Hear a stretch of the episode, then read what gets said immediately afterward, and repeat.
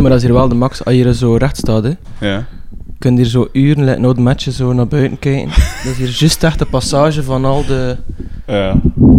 eh, studenten en van, link, van links Gent en zo de vooruit en al. Ja. Ja, ik heb hier ook nog gestudeerd, op de Blandijn zelfs, Ja. een Ah. tijdje. Maar eh, ik had nooit de link gelegd dat die, s- deze straat verbonden is met die straat. Ja, ah, wel. ja, maar dus, altijd zo, ja. Ja. Soms heb ik in Gent nog, nog altijd zo van die aha-erlebnissen van... Ah, dat stuk is dus... Hm. Zo'n beetje het gevoel dat Columbus moet gehad van... mo onderweg naar India ligt eh, Amerika? Uh-huh.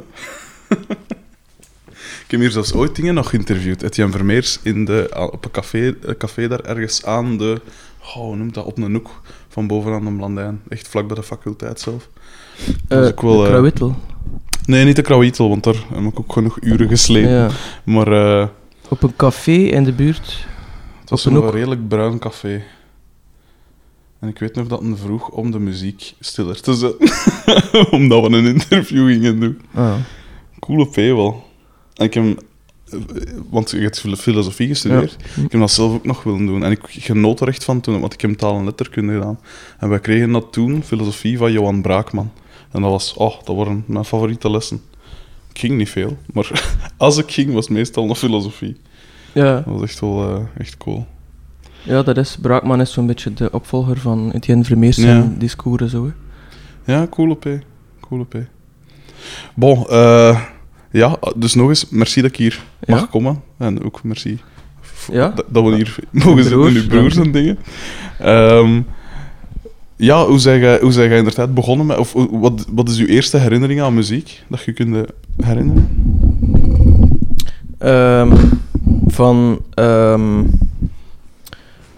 als ik basic vier jaar was of zo, drie, vier, Mhm. dat is misschien, dat is altijd blurry, hè, van wa, wanneer onthoud je dat en wanneer niet. Maar ehm, wel zo een visuele herinnering van een plaat die op lag en die draaide. Ik, ik herinner me, de plaatspeler soms stond op een zo'n lage, ehm, dat was zo lekker een steen Mhm. eh, een lage eh, plateau zo in de living. En ehm, dat was zo'n een paarse plaat, weet dat van Mike Oldfield gaat zijn of zo. Dat was zo'n sferische muziek. En herinner me dat ik dat, ik dat zag draaien en zo, en dat ik die muziek hoorde en dat dat gelijk een sfeer bracht. Mhm. En ehm, dat was op het appartement nog, voordat we nog in een huis woonden in Oostende. Ja. Eh, ja, dat is eigenlijk mijn eerste herinnering aan, aan muziek. De, de, het deuntje van The Exorcist. Ja, zoiets. Ja, ik weet niet, ja. Tubular Bells. Ja, maar ik heb veel eh, Mike Oldfield eh, geluisterd. Dat is een beetje kindjesmuziek ook. Dat, is zo Ja. wel, dat prikkelt de fantasie. Aha. En ik was wel een nog altijd die eh, op basis van fantasie naar muziek en kunst kijkt en naar de wereld kijkt. En dat is nog altijd zo. En, Mhm. en toen ook, dat- het zat, er ook wel zo iets met een kinderkoor in en al. Ja. Waar ik dan access was of zo, dan ook van buiten kon en zo. like. Plots realiseerde dat ik dat heel van buiten kon, zonder dat ik die woorden snapte of zo. En dat al klanken waren, maar dat was wel vrij tof eigenlijk. Mhm. Dat was een soort vrij verantwoorde kinderen voor kinderen of zo, eh, waarschijnlijk. Kinderen voor kinderen. Daar heb ik ook nog een cassetje van gehad, maar dat was, mijn, dat was minder mijn, mijn ding. Dat Hollandse zo eraan. En- Op een en- onbewoond eiland is nog een, kraker van een... Ja, ja, het zal wel. ja, maar dat was te... Ja, ik ken het. Dat was te sociaal. Dat, was, dat, dat sociaal gedoe eraan, dat was Ik te, moest er ook te veel aan. Ja. Dat was zo... Ja, ik weet niet. Aha. Dat is te, te anglo-saxisch voor ik, zo Hollands. eh, jezelf, eh, allee, zo de, de... Niet de agressieve, maar de... Allee. Ja, bon. Eh,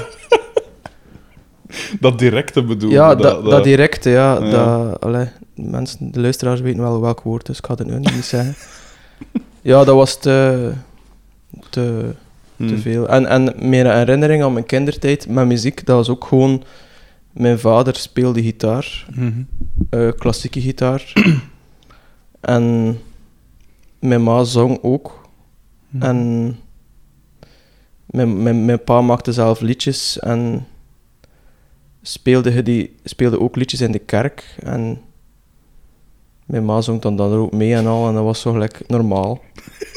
Totdat ik plots besefte. En ja, mijn pa kwam in de kleuterklas ook zot doen in de klas. Oké. Die konden zo handenstand doen op, Ongevraagd. ja, ja, zo plots. Dat was gelijk een jaarlijke gewoonte van, ah ja, totdat ik doorhad van, is dat niet raar dat mijn, dat mijn pa hier, die, die deed zo zot in, in de kleuterklas, zo kwam ik er op bezoek en zo, en dan speelde hij met zijn gitaar een paar nummertjes en zo, wat uitgevonden nummertjes, en dan stond hij op zijn handen op een stoel dat hij dan omgekeerd stond. En, en Oké. allee,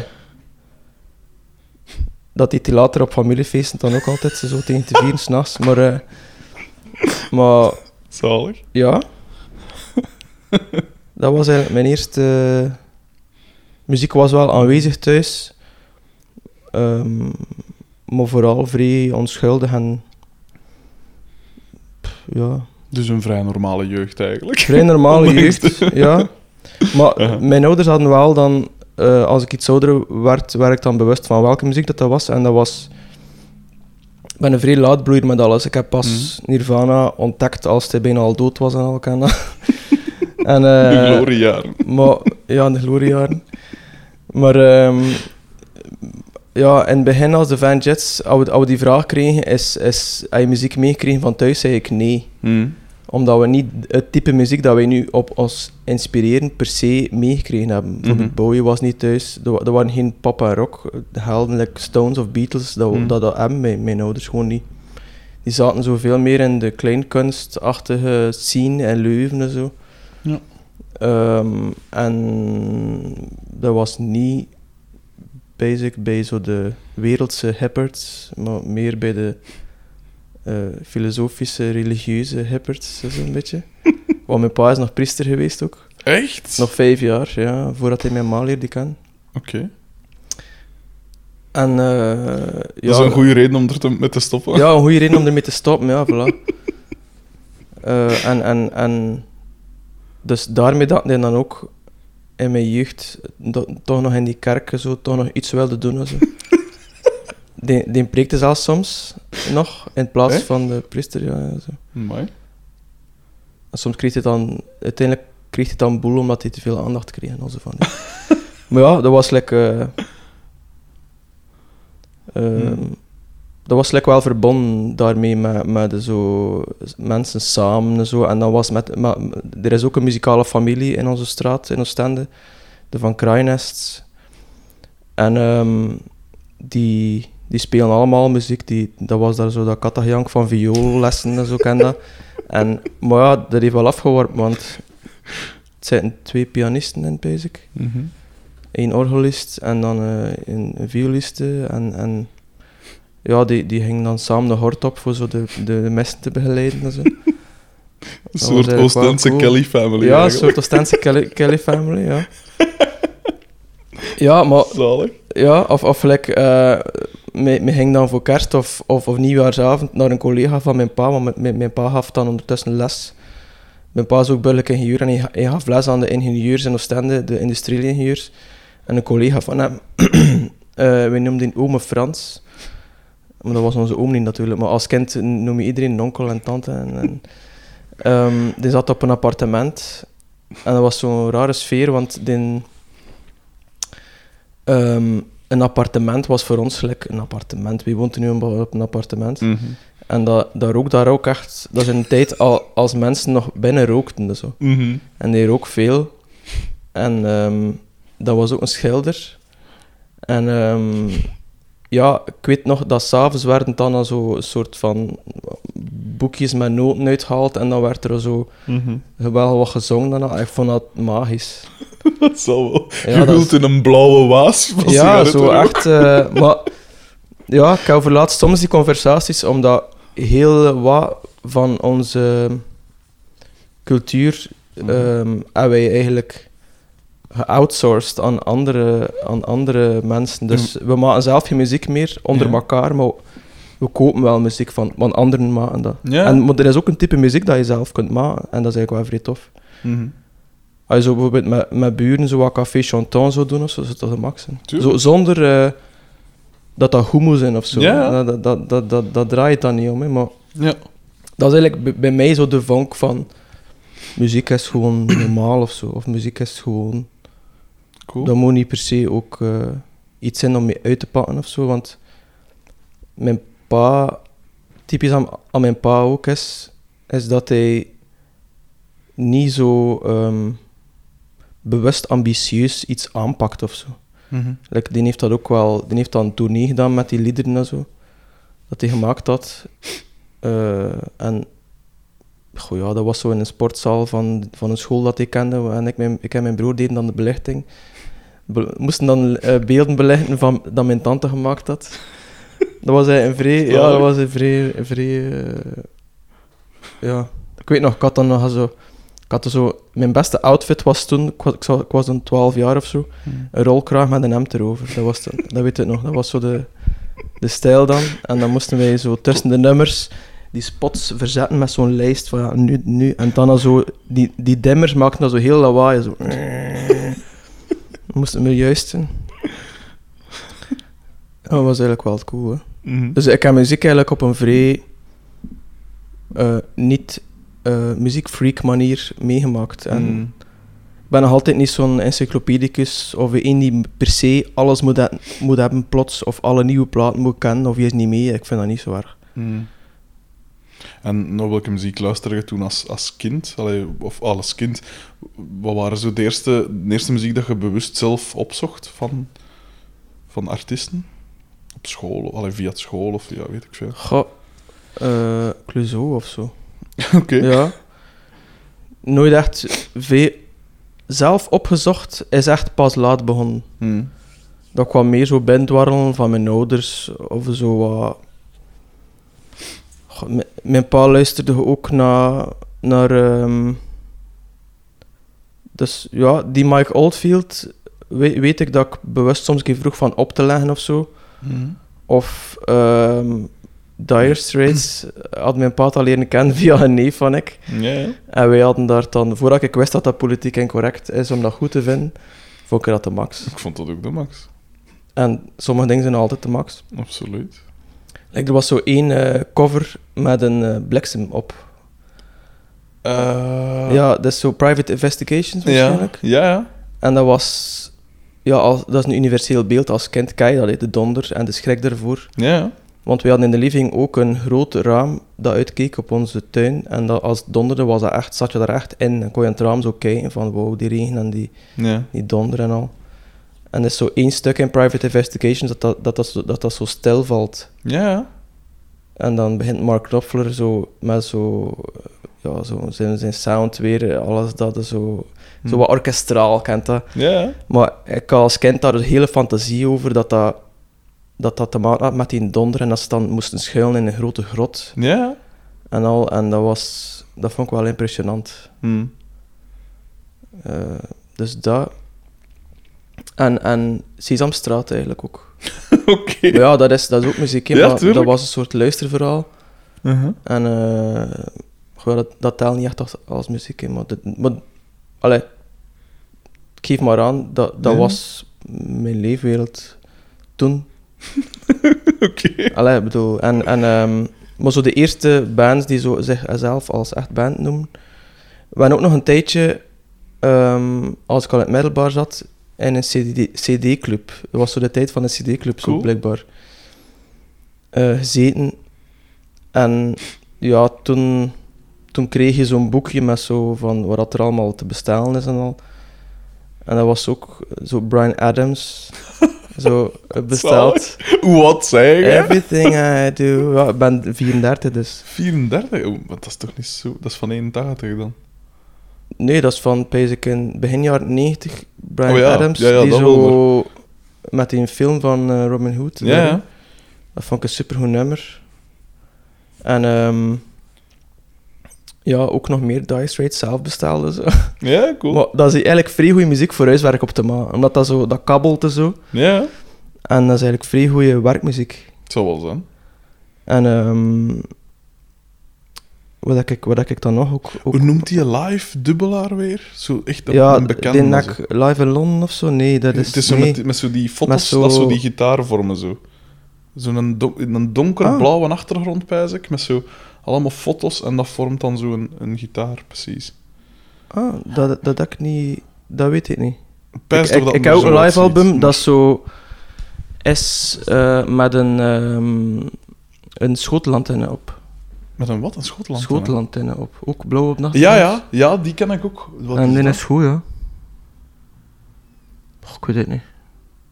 Ja, alleszins, die ken ik alleszins ook. Dat is ook een... eh, Mijn neef zette dat constant op. Ik moest altijd in de zomers of in de vakanties... Ja, mijn moeder moest blijven werken, maar zijn moeder was lerares, dus die was thuis in de vakanties. Dus dan kost ik daar gaan. En als ik daar bleef slapen, dan zetten we dat s'avonds altijd op. Terwijl we zo aan het indommelen waren. Ja, Zalig. Ja dat is, dat is So, it's the tunnel of love. Iconische woorden. Ja. Als je met je neef op binnen de meter van u ligt en een man van middelbare leeftijd Ja. zegt de woorden So, it's the tunnel of love. Oh. Dat vormt Maar een op die man. leeftijd denk je aan, aan, andere, ding, aan andere dingen nog. Hè. Dat is waar. Gelijk, ja, wat dat, wat dat ook eh, passeerde was Roxette. Oh, het zal wel Ik had zijn. zo'n cassetje van, van onze buren. Van één kant was Clouseau, bij hun debuutalbum, wat eigenlijk wel vrij goed is. Uh-huh. Vond ik dat toen. En eh, dan de Roxette, Joyride en al. Van Zal die wel zijn. She's Got The Look. En, en we speelden dan thuis ook... Ik, ik was dan die vrouw, omdat ik kort eh, blond haar had. Oké, En mijn, mijn broer was dan die gast. En dan... zalig. Dan, eh, we hadden zo een micro, een Philips micro, dat altijd ju- ook goed in, eh, waar we niks aan mochten doen. Maar die, die konden we in de stereo steken en dan konden we zo'n stem horen en dat was de max. Zalig. En dan ging je op de kapot van de notto zitten. Ja, en wa- dan zong de Joy wij deden zo een beetje die clips na, zo. een klein beetje zo. Want ik weet nog dat er zo een scène was dat, dat die vrouw, die zangeres, zo'n beetje lag. Lekker zo een Romeinse zo. En, en ik pakte dan die micro vast en, en, en ik, ik lag ook zo in de, ze- eh, zo in de, in de zetel dan. Zo om, dat- om dat nummer te beginnen. Zo. En dan bij ter, bij ter vrij moest je zo recht staan. En dat was, dat was wel... Zalig. Ja, dat was wel de max eigenlijk. en, en ik ben aan het pijzen wat, wat nog, hè. Eigenlijk, maar eigenlijk Michael Jackson ook. Daar heb ik ook veel, Terecht. veel van naar geluisterd. Mhm. Dat is ook echt een...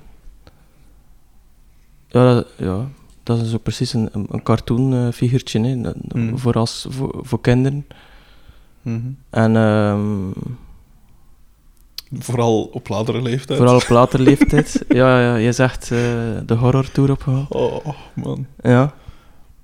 Ja, maar dat is, dat is een cartoonfiguur uiteindelijk geweest. Hè. Mm. Ja, je, je, hebt er veel. Hè. Maar ik ben er wel fan van uiteindelijk. Hè. Van zo cartoonfiguren Mhm. eh, die hun eigen, letterlijk leven, hun eigen, hun eigen leven reduceren tot hun artiestendom en daar Mhm. ook in sterven dan. Mhm. Maar ja, als kind was ik er nog niet mee bezig. Hij was er nog, nog niet dood, dus dat telt niet. en ehm, ja, wie was ik ook nog zo in die fase? Ehm dat Headbox. Oh, Headbox was echt een ontdekking. Meer Ja. dan terecht. Ja, meer dan terecht, want er stonden daar ook vrij veel goede dingen op. Like Sowieso. Robin met Robin. Dat is zo'n nummer. Robin? Don't you want me, don't you want me, don't Ja, you ja, want my dat is een goeie. Don't you want my love? and da, da, da, da, da, da. Dat is echt goed. Uh-huh. Ook wel wat crap, zo wil ik. like 10 sharp. You, you my everlasting love. Dus dat, dat, was echt, dat is dan minder goed nummer. Uh-huh. Maar veel, ja, veel, veel coole nummers. Ja. Mhm. Veel headboxen verzameld.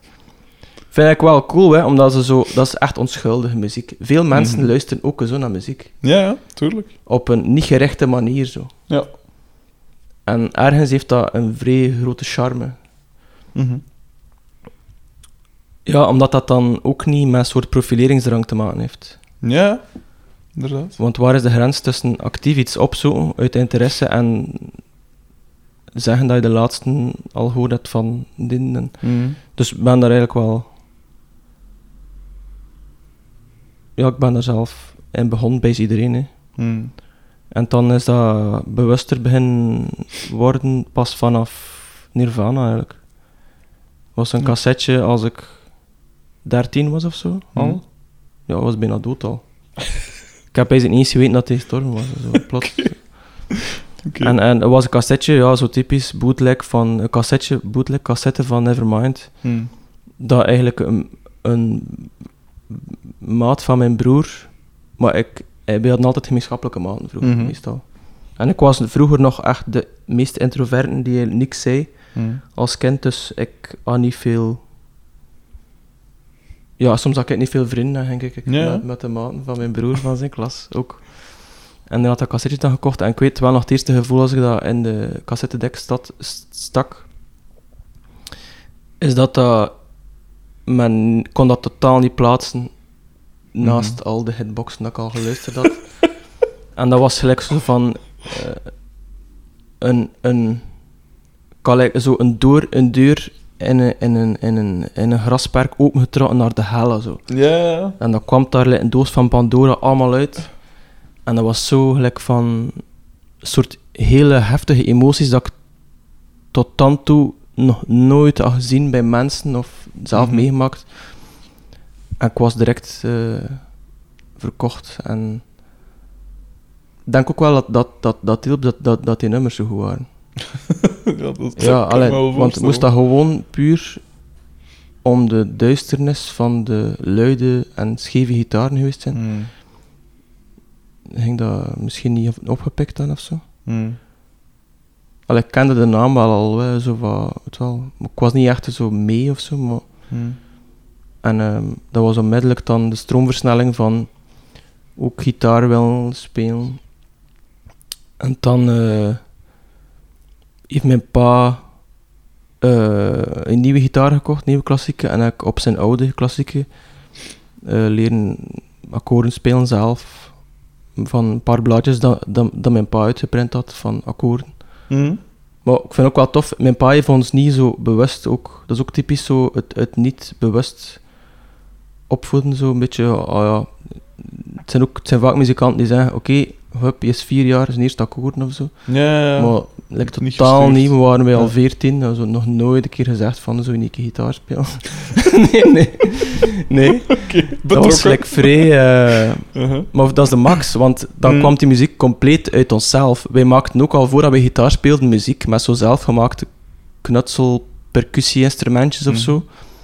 Waar dan we dan het kanon dat we kenden van, in- van thuis, zo, van, ja. van die parochieconcerten of weet ik veel wat, zongen en zo. Maar met Nirvana heb ik dan echt beginnen leren akkoorden spelen en dat ging redelijk vlug. Hm. En dat is ook... Ik had, ik had dan ook ik had eigenlijk twee gitaren. Eén gitaar met zes snaren en één met twee, twee snaren.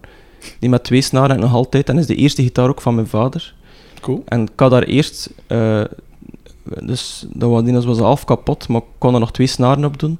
Maar ik had toen gestemd in een, in een quint, waardoor dat je kunt schuiven. Ah ja, tuurlijk. Ja, ja. En ehm, dat heeft eigenlijk mij vrij geholpen om zo'n be- be- bepaald horizontaal inzicht te krijgen op de hals. Ja, ja. In plaats dat je al die snaren moet tegelijk leren, hè, zo Mhm. met twee snaren eerst. En dan kan ik direct door dat, dat, dat ik dat like, ja, rap mee weg was of zo. Hm. Ook al ik nooit zo'n bewustzijn had van wow, ik ben echt goed of zo, totaal niet. en ehm, ja, eigenlijk onmiddellijk bijna vanaf dat ik... Muziek was bij, bij, doordat ik mijn vader bezig zag met liedjes maken, dat was like, onmiddellijk ook al... Ik heb nooit de vraag gesteld, kan ik een nummer schrijven of zo? Dat was like, direct... Eerst schrijf je zo wat met twee akkoorden een nummer en zo. Mhm. En, en, en hopla, en dat was vertrouwen. De eerste, de eerste nummers direct geschreven en al. En, en maar ik kon vrij veel tijd spenderen op, op mijn kamer Hm. met die, met die cd's van Nirvana, van te blijven luisteren. En ik bedoel, ja, ik heb die zeker elk duizend keer gehoord of zo. Want we waren dan bezig tegen elkaar. Ah, ik heb gisteren die opgelegd. Ah, ik heb gisteren die opgelegd. En, zo, en morgen doe ik een andere een van Nirvana. ja, dat was zo vrij... eh, Maar dat werkt wel bij mij. Zo niet te veel tegelijk. Zo op Mhm. één iets, maar vrij diep op focussen. Dus dat is nog altijd wel. Tuurlijk. En ehm, ik speelde heel die akoestische set mee van op uh, Unplugged in New Ja. York. Mhm. Waar wat een vrij dankbare cd is voor iemand die begint gitaar te spelen, basic. Want Mhm. in Nirvana is ook gewoon schuiven. Allee, dat Ja, ja, tuurlijk. is gewoon schuiven en ehm, dat was iets leesbaarder, allee, iets hoorbaarder. Deden allemaal op het gehoor ook. Mhm. En dat lukte gelijk wel, zo met wat prutsen en zo. Ik was ook geen die zo boekjes kocht van tablatuur of zo. Mm. Ik haat dat. Dat is echt zo... Ja, dat, dat is... Dat... Dat... Ja, dat is... Ik heb dat nooit gesnapt, zo... Ja, mensen die extern... Allee, ik ben gewoon vrij autodidact ingesteld, Mhm. bij alles. Ja. En eh, probeer daar mijn voordeel mee te halen, omdat je, als je autodidact zit, heb je altijd het voordeel van de outsider. De, de frisse blik. Of de, Ja, en, en ik was misschien ook gewoon te lui hè, voor allemaal die, die, die boekjes te gaan kopen of zo, maar dat was lekker, die cultuur Ja. hing, hing niet bij ons thuis ook. Muziek was iets dat je speelde en dat je hoorde en dat je voelde. Hm. En niet iets dat je zo een boekje van kocht, dat uitgegeven was door iemand die daarmee zijn geld verdiende of zo. Dat was like niet... Hm. Eh, en, en, en dat heeft mij wel voordeel gebracht, omdat ik dan alles op het gehoor moest doen en gewoon deed. En ik heb zo mijn gehoor echt, zonder dat ik het wist, gekweekt. Ja, ja. Dat ik, ik kan op het gehoor gewoon een liedje horen en eh, ik weet direct, ah, die akkoorden zo, A, eh, C, eh, voilà. Dat is gewoon dankzij dat ik uren gewoon... Ja, echt... Ik kan je, kan je voorstellen hoeveel, hoeveel tijd dat je hebt. in je leven, in je, in Ja. je, in je jeugd. En je, en je hoort dat ook bij, bij andere gitaristen of muzikanten, dat die gewoon ooit, echt een keer een jaar of twee jaar, uren, gewoon Ja. eraf gesloten en van de wereld. Ja. En eh, zodanig erin opgegaan zijn. Mhm. En dat was bij, was bij mij ook. En, en dan had ik ook zo een boekje met onverstaanbare teksten dat ik zelf schreef, dat ik zelf niet verstond. en Oké. omdat Cobain zijn teksten zijn ook echt moeilijk, eigenlijk, maar vrij goed wel, maar vrij poëtisch en vrij Mhm. ja, scheef. Ja, zeker. En, en ehm, maar toen snapte ik dat totaal ook niet. Mhm.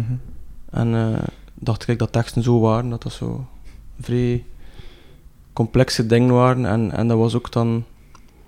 Ik mat mij ook het hele universele, eh, het hele emotionele spectrum van Kurt Cobain aan. En zo. Die, die, die, ons, die, ehm, die blurry mind en zo, weet wel, van Mhm. de twijfel en zo de, de negatieve gevoelens en niet weten wie dat je zijt, eh, bla Mhm. bla. Ja. En ik was me ook bewust dat dat gelijk een, een, een onevenredig di- discours was met mijn school. Ja. Omdat eigenlijk Nirvana is anti een Mhm. beetje alles. Mhm. En de school, ja, moet je wel meedoen. Dat anders. Want en ik was ook gewend om goede cijfers te eh, omdat ik een goede leerling was of zo. En en dat was... Ik weet nog dat ik soms een pact met mezelf sloot van... Kijk, dit jaar, dit schooljaar, echt, is, is Nirvana niet... We gaan niet toegeven. We gaan niet in die schooldingen meegaan. Maar dat lukte dan niet. eh tuurlijk moest ik wel huiswerk maken en... en Mhm. ja, moest ik wel meegaan met de school, schoolse dingen. En, en heb, ik, heb ik nooit zo de outcast uitgang. Mhm. Eh, maar dat was jaren mijn, mijn voedingsbodem geweest. eh, Nirvana, Nirvana, Nirvana. Ja. Ja. En wanneer heb je dan besloten, of wanneer kwam dan het idee om zelf in een groep te, in een groep te stappen? Dat kwam eigenlijk vrij natuurlijk, omdat mijn broer en zijn maat, Mhm. die, wij hebben gelijktijdig leren gitaar spelen. En ehm goh ja, dat was like, dat is like omdat dat met, met, met mijn broer is en dat dat in de familie, die Kelly family sfeer daarin, was like vrij natuurlijk om dan gewoon zelf ook iets te maken. Uh-huh. Dat is niet van, oké, en nu op zoek naar een groep. Ja. Dat was direct, ook onze repetitie was ook gewoon thuis. Het eerste repetitie was gewoon in de slaapkamer van mijn broer. Herkenbaar. Ja, en Uh-huh. dat is eigenlijk wel grappig, want dat is zo meer wel... Dus gitaar was cool, dus niemand baste of zo. Dus. Het was nog, was nog ook zonder drum. Ja. Want een drummer vinden, dat was wel iets exotisch. Een drummer, wie, wie, wie Ja. drumt er, weet je wel. En ehm, want dan, we zaten zo met drie gitaren dan zo wat te spelen en zo. En dan eh, hadden wij die maat van mijn broer gebombardeerd tot bassist. Ja, hij, hij, hij, hij moet dan maar bassen. Gebombardeerd Ja, of gedegradeerd? Gedegradeerd eigenlijk, maar het is eufemistisch uitgedrukt. Maar, Uh-huh. en hij moest dan... hij was de enige die dan zijn, zijn dingen moest in de stereo steken. Dus wij, wij hadden dan diezelfde Philips micro staan wij dan gewoon in die gitaar, eh, in dat gat van die gitaar. Cool. En eh, dat gaf een vrij coole klank eigenlijk. Oké. Een vrij distorte klank en zo, maar eigenlijk vrij cool. De max. Dat heeft jaren mijn sound geweest, Ja. voor zo, voordat de elektrische gitaar binnenkwam. Cool. En, ehm, maar hij moest daar dus op bassen.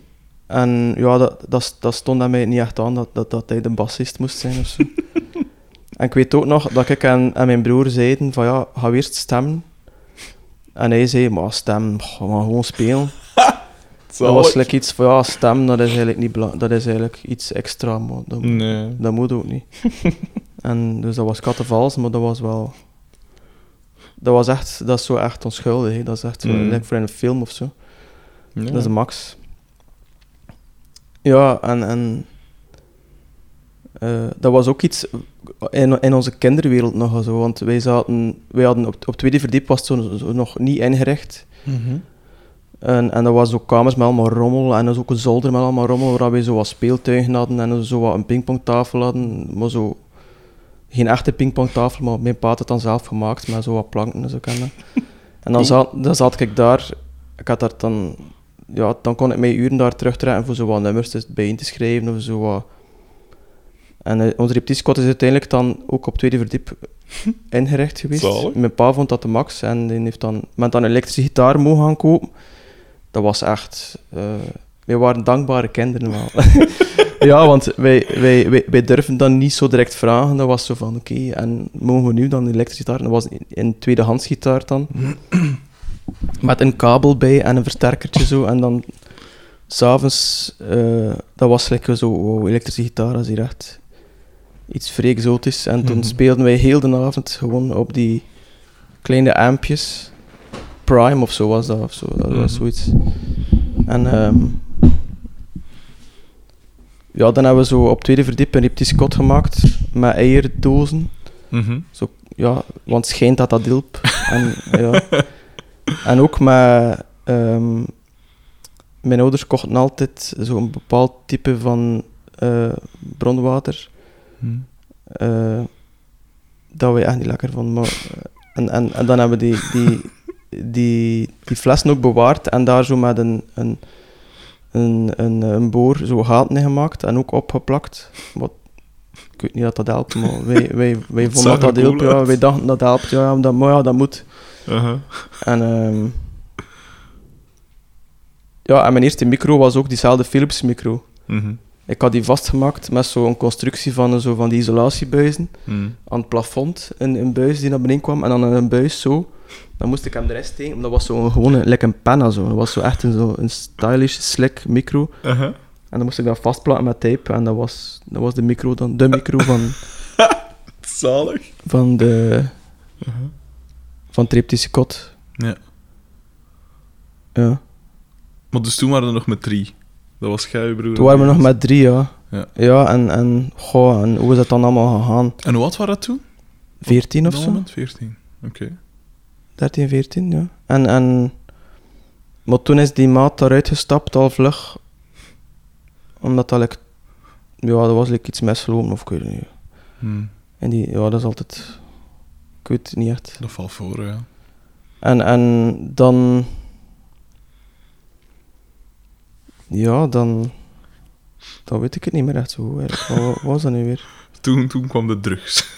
dat weet Ja, toen kwam de drugs. Maar pas later eigenlijk. Ah, ja. Maar toen, toen hebben we ook met een drummer beginnen spelen. Mhm. plots. eh, in school heb ik ook eh, onze huidige bassist aangezet toen om gitaar te spelen. Ik was een slechte, ik was een slechte invloed, heb ik later gehoord. die daar de rock'n'roll bin, binnenbracht. en, ehm, maar hij speelde nog niet in mijn groep. Dan is, hij heeft pas later dan eventjes in mijn groep gespeeld. Mhm. En dan weer weg, eventjes boel, en dan was het weer goed en zo. En, en ik weet nog wel, de eerste keer dat ik met, eh, met een drummer speelde, dat was iemand van op school, Jeroen van Damme. En die, eh, ja, een drummer, dat was like zo van, waar vind je een drummer? En die had dan drum geleerd op de muziekschool. Mhm. En dat was like vrij raar om daarmee te beginnen, zo, omdat dat... ja, als je gewoon op je kamer wat speelt, veel ritme zit er daar niet in. En dan plots begint die drummer dat allemaal zo te slicen. En is zo van, hé, maar dit stuk moet wel rapper, hè, want ik speelde altijd rapper. En dat is like zo van, oeh. Ik weet, ik weet- ik weet nog dat dat like een issue was. Ja. En ehm ja, dat was dan... Dan hebben wij ook via M een bassist eh, leren kennen, dat we niet echt goed kenden, die dan eigenlijk ook de gitarist geworden is, die, waarmee dat we de Rock Rally mee gewonnen hebben. Cool. Ehm, Cedric Knockaert. En ehm, ja, daarmee heb ik keer opgetreden op zo een, een als ik 16, 17 was al. Want optreden was ook zoiets van, dat was like voor andere mensen. Dat was like, wij, wij waren in Oostende ook niet bij de stoere Uh-huh. skaters of zo, of bij de hardcore dudes. Wij durfden zelf niet in dat café binnen, zo, eh, Mhm. de cafés binnen. Wij waren zo echt niet, niet mee in die klik van waar dat er zo gebeurde. Zo. Mhm. En, en, dus dat... We traden toen eventjes een keer op. Eh, Ja, we, we- eerst speelden we dus ja, Nirvana na, zo heel tijd. Zo, Mhm. wat, zijn eigen nummers, maar zo wat Nirvana-esque. Mhm. En mijn broer zong toen. Mijn, mijn broer, ik was een sidekick. Cool. Ja, ja. Dat is heel lang geweest. Oké. Mijn- want mijn broer heeft eigenlijk een vrij grotere bek of ik. Zeker vroeger. En ehm, ik was zo echt het stille kindje, zo, vroeger. Ja. Ja, vrij stil. Ik had ook zo een stotterprobleem en dat hielp er ook niet aan. Mm. En eh, ik was vrij bedeesd en observator. Maar dat heeft mij wel jarenlange graafwerken gegeven Ja. om een vrij diepe mal te graven voor, voor mijn fantasie misschien wel. Maar Hoe zijn je Eh, daarvan afgeraakt trouwens? Want je merkt er nu niks meer van. door het podium, Ah ja. Ja. Cool. Maar basic. Of door ouder te worden, dat dat... Dat je daaruit groeit. Ja, ik weet het niet, ja, ik weet het niet. Het podium heeft mij wel vrij, vrij goed geholpen, omdat ik daardoor... Mm. Allee, maar die dualiteit zit wel nog altijd in mij. Ik ben langs de ene kant nog altijd die observator die aan de kant staat. Dus, maar ik voel mij nog altijd niet in de groep staan van mensen in het algemeen, maar aan de kant staan. Is dat dan, want al- als je op het podium staat, zi- zit je ook niet in het publiek. Hè. Je, zit, je zit buiten het publiek eigenlijk. Mhm. Je zit, en die dualiteit heb ik nog altijd mentaal eh, bij, eh, bij mensen. Ja. Maar, dus vroeger was mijn broer de, de frontman. En die zong dan ook zo met zo'n grain, zo, weet wel. Zo. dat was de max. En, en, maar dat, en daardoor eigenlijk kon ik als sidekick had ik meer ruimte om zo wat melodisch op mijn gitaar zo wat mijzelf te ontwikkelen. En Mhm. dat was zo gelijk de, de verhouding dat we hadden. En eh, dan, dan speelden wij eerst Nirvana-achtige muziek en dan wat punk-achtige, want dat was zo skatepunk, leg, Lagwagon en al, zo Oh. die generatie. Dat was supergoed. Het zal wel zijn. Maar, zo, maar de drums waren vrij moeilijk. Mhm. De drums zijn echt zo... Ja, absoluut. En onze drummer kon dat niet of zo, of dat was te rap, of... En wij deden dan alles een beetje anders. Mhm. Wij deden in plaats van op de tegentel, Ja. deden we alles op de tel. Oké. Dus dat was dan onze eigen versie van, van Van Basic van uh, Lagwagon. Ja, zoiets. En, en, en Cool. daar hebben we ook, een- ook een keer mee opgetreden. Een paar keer, twee keer mee opgetreden. Eerst met die, de eerste drummer, dan, dan met een tweede drummer ook. Een keer. eh Matthijs. En ja, dat waren altijd gewoon eindejaarsfeestjes van een klas of zo. Van, van de klas van de Mhm. bassist meestal. Die woonden zo in, in Oudenburg, niet meer in het centrum. En die moesten hun eigen entertainment voorzien en zo, waarschijnlijk. En dat was dan in een garage, zo, in een bedekte sch- schuur. Mhm. Waar dat er zo in een kring dan van vijf meter verder, zo ken dat zo, de, de maten staan. En, en dat was gewoon eh met zelf onze boksen meepakken en zo eh, Mhm. Onder die schuren zo. En was De, ook wel micro, tof. de microconstructie. Ja, niet. constructie, ja, voilà. en, en ik weet wel dat ik toen, dat ik toen like, optreden een vrij raar bewustzijnsvorm vond, omdat dat... Om, ja, ik vond dat like, vrij raar. Mhm. Omdat je toch bleef spelen, wat je speelde, maar je kon toch rondkijken. Zo van, dat was like, een dubbel bewustzijn, en dat was like, zoiets vrij raars.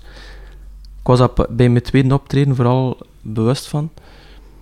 En, eh, maar ik was totaal niet zo in het gedacht van, en nu ben ik stoer of nu ben ik cool en nu kan ik meiden krijgen of zo. Dat was daar like, totaal niet aan Mhm. verbonden. en Zo. Dat was like, gewoon die muziek die like, het, het, het ding was en zo. En, en ook een beetje er wel bij horen, toch? Zo een beetje van ja, kijk, zie je wel, we kunnen ook, we kunnen ook skatepunken. hè. En, eh, Zo cool. ja. En dan... eh, ja, dat, was zo de, e- dat, was, dat waren zo de eerste jaren Mm. van in het Oostendse deel. En dan zijn we eigenlijk later naar Gent verkast, omdat ik begon te studeren in Gent. Mm. En dan uiteindelijk mijn broer ook. En eh, hebben we in de kelder beginnen repeteren van de bassist. eh, dus die nu niet meer... Allee, Mhm. dus van de toenmalige bassist. Dat was vlakbij de Blandijn. eh Ja, cool. Als je de Blue Z uitgaat, Mm. ehm, bijna rechtdoor. Je hebt zo die grote straat met veel koten. Goh. ik zou twee, zou ten- zou, ik zou twee keer zeggen, ging ik zeggen, maar... ik zou tien keer zeggen. Van Ultem, straat. In een kelder. Ik ben vreselijk slecht Ja, in straat, in, in, in een kelder daarvan. En dat was... eh, ja, dat was wel cool eigenlijk. Mhm. Maar zo wat eerst wat jaren zitten prutsen en zo, wat onze, onze drummer wou dan niet meekomen naar, eh, naar Gent. Dus we moesten dan een andere drummer vinden. En dat was... Ja, met zo'n audities staan voor de eerste keer. En dat was echt raar. Dat kan Want ik komt dat dan mensen op af van... eh, Ja. Allee, eigenlijk audities, oftewel als je een hele grote band zit, komen daar veel mensen op af en in de hoop ook wel de smaakvolle goede mensen. Ja. Maar allee, iedereen, iedereen was wel oké, hè, maar het zat er eh, wel typisch tussen. Ook voor zangers en zangeressen hebben we ook wel audities gedaan, omdat mijn... Het was eventjes een zanger, een maat van mijn broer, die dan ook zong. Wat dan wilden we toch een andere zanger zo... eh, maar we hadden dan één optreden gedaan, omdat de, de maat van die toenmalige zanger Hm. de Ma wo- eh, werkte in de Brooklyn in Oostende en dan mochten we het op het feestje van de Brooklyn in De Haan mochten we dan spelen of zo. En toen hadden we wel aantrek bij die verkoopsters zo. Dat wel. Maar dat was zo wat milf, Uh-huh. zo achtig iets. En, eh, maar, maar die zanger, dat was dan toch niet goed genoeg, of, of ik weet het niet. Het was wel een heel, coole gast en ook een snel, die waarschijnlijk wel ging zorgen voor een Jim Morrison effect of zo, ik weet niet wat. Maar, En dan een trickle-down effect. Ja, voilà, ja. maar ja, maar dan had de audities gedaan voor zangers ook en zangeressen zelfs en al. En, en ook voor drummers, want die drummer wou dan niet meekomen van de stende, dus en hem, ja, dat was lekker een rare tijd. En dan heeft de bassist beginnen gitaar spelen, dat is juist. Was ook Ja. beginnen gitaar spelen en dus hij ook nog, auditie, hij ook nog een bassist had, een andere een. Hm. Dat is, dat is, dat is zo een waar, bedoel, een, overzicht, een, over, een overzichtelijk verhaal ga je niet krijgen van ik, maar dat is Geen probleem. vrij eh, Uh-huh. Holder de bolder. En uiteindelijk, wat uiteindelijk de bezetting dan uiteindelijk was, Mhm. we begonnen ook af te geraken van dat skatepunk dinges. En dat Mhm. was zo, ik had zo de, de helicopters ontdekt op Super Rock, Mhm. op MTV. Ja, ja. Maar zo in 98 of zo. nog voor eigenlijk de White Stripes en nog voor Ja. zo dat die hele rock and roll mega wave Ja. kwam, vond ik dat dat is gewoon zo old-style swingende rock and roll. Ja. Stooges meets Little Richard of zo. Zo van die, allee, zo een beetje dat. En uit Scandinavië, de helikopters, en dan dacht ik van, dit is veel muzikaal swingender dan die skatepunk dat we altijd spelen. En toen hebben wij zulke muziek beginnen maken. ja, zo begin je, hè. Ja, het is dat. Met alles te kopiëren. en eh, ja, misschien ook een aanpassing, omdat in Oostende was skatepunk vrij en was, kost je enkel dat spelen. Ja, want anders dan, was er geen plaats Ja. voor andere dingen. En in Gent was dat, like, kon je like, alles doen. Hm. Dat was like, ook de tijd van de frontline die nog aan de, aan de vooruit was. En Zeker. was er ook veel echt zo... Ook in het hardere genre, maar echt artistiekere Ja. dingen en vrij breed. Ja. Dan, en zelfs als je buiten stond, kon je die band horen, want dan was het dan geluid. Ja. En ehm dat was ook in de tijd dat ik zoveel dat is een tijdje geweest, heel mijn studententijd heb ik elke dag waarschijnlijk een optreden gezien in Gent. Mai. Omdat dat was de maandag in de Krawitel, de dinsdag was daar, dan was het in de Ja. Charla de woensdag en de donderdag. En, Ja. dus er waren veel cafés dat je zo echt kon elke week hup, hup, hup, hup, hup. En dat was... Niet dat ik zo'n cafézakker was, totaal niet, maar zo... Zeker later in mijn studententijd, wel. Ik was zo echt van café naar café, dag na dag op, naar een optreden gaan kijken en zo. Ja. En eh, het was ook vrij tof, omdat dat, dat repetitiekot was in de Van vlak bij de Blandijn. En dat was ook vlak, vlak bij de Krawittel. Mhm. En niet ver van de vooruit. En zo, dat was tof om daar te hangen en zo. Ja. En ehm, ja, voor een lang verhaal kort te maken, hebben we uiteindelijk qua bezetting dan geëindigd, is mijn broer begin drum, Mhm. omdat hij zijn beperking inzag op zijn gitaar en dat hij... En, dat, en wij, wij hadden thuis ook een drum gekocht in Oostende, Ah ja. om daar te zetten. En dus, wij konden alle twee een beetje drummen. Maar hij heeft dat meer ontwikkeld dan ik. Mhm. Omdat hij daar ook meer like, fysiek... Mijn broer is iets energieker of iets extraverter en dat uit hem ook in zijn ja, drum, dat past like, meer bij hem. Ja. En eh, Want gitaristen zijn normaal toch vrij bedeesde ja, mensen. ja, voilà. Nu ja, het zit daar iets fysiek in, in, in drum. Zeker, dat is, ja, dus, bon, dat is veel fysieker of gitaar. Dat is, hoe dat Mhm. een, een optreden volhoudt, die moet een veel betere conditie hebben, sowieso al of ik. Ja. Hoewel dat zingen en rondspringen en gitaar spelen ook wel Best vermoeiend is, maar- Ja, tuurlijk. Dus mijn broer speelde dan drum. En in het begin was dat zo wat niet echt tight of zo. En, Hm. maar dat was, hij wist wel, mijn broer deed wat alle drummers niet deden, namelijk echt de goede dingen spelen. Mhm. Zo van, ah ja, tuurlijk, eh, hier een filletje en dan hier stoppen en hup, weer die crash daar, voilà, tuurlijk. Ja. Want ik kende ook dat, dat perfecte referentiekader dat wij ook hadden. Ah ja, tuurlijk. En dat is zo'n verademing, Hm. Dat was zo'n verademing. En ehm, uit, uit eh, gebrek aan een zanger heb ik dan maar voorlopig beginnen zingen. De, de partij dat dan een zanger moest zingen. Ja. Maar dat is er nooit van gekomen, die zanger. En dan waren, waren de Vanjets eh, de huidige bezetting. Allee, niet de huidige bezetting, maar Wolf is vervangen later. Allee, is de vervanger geweest van Cedric. Ja. Maar zo waren wij 30 meter naar beneden van de Van Eltem, ons eerste optreden dan in het toenmalige Kanakaram. Hm. Een vrij klein podiumtje en een vrij klein cafeetje dat toen dan zo wat samenhing met die klik van die in, de, dat huis woonde van het repetitiekot. Mhm. En eh, dat was like, onmiddellijk de max. Maar Ik weet nog, met hem dan eerst pizza gaan eten naar ehm aan de Sint-Pieters-Nieuwstraat, eh, La Rustica. Ja. Ja, Ja. bon, dat, was, dat in Gent, is dat gekend. Ja. Zeker onder studenten. En ik weet nog dat we zenuwachtig waren en dat we... Ja, dat we toch maar een halve pizza hadden gegeten. En dan moest dat dan, moest dat dan uitleggen als ze de borden kwam, kwam aan, zo van... eh, hallo? En wij, ja, maar we zitten met een optreden, eh, moeten zijn zenuwachtig. En toen eh, kwamen we binnen en de, ja, dat café was stampenvol, want dat was allemaal vrienden en al die Mhm. curieus waren. Want ik speelde toen ondertussen ook in een andere band. Mhm. In Gent heb ik een keer auditie gedaan.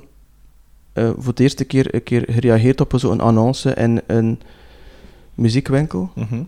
En eh, had ik ook, had had ik dus twee groepen. De Women en wij deden zo straight, straight formats van zo surfachtige muziek en rock and roll van de jaren 50. Cool.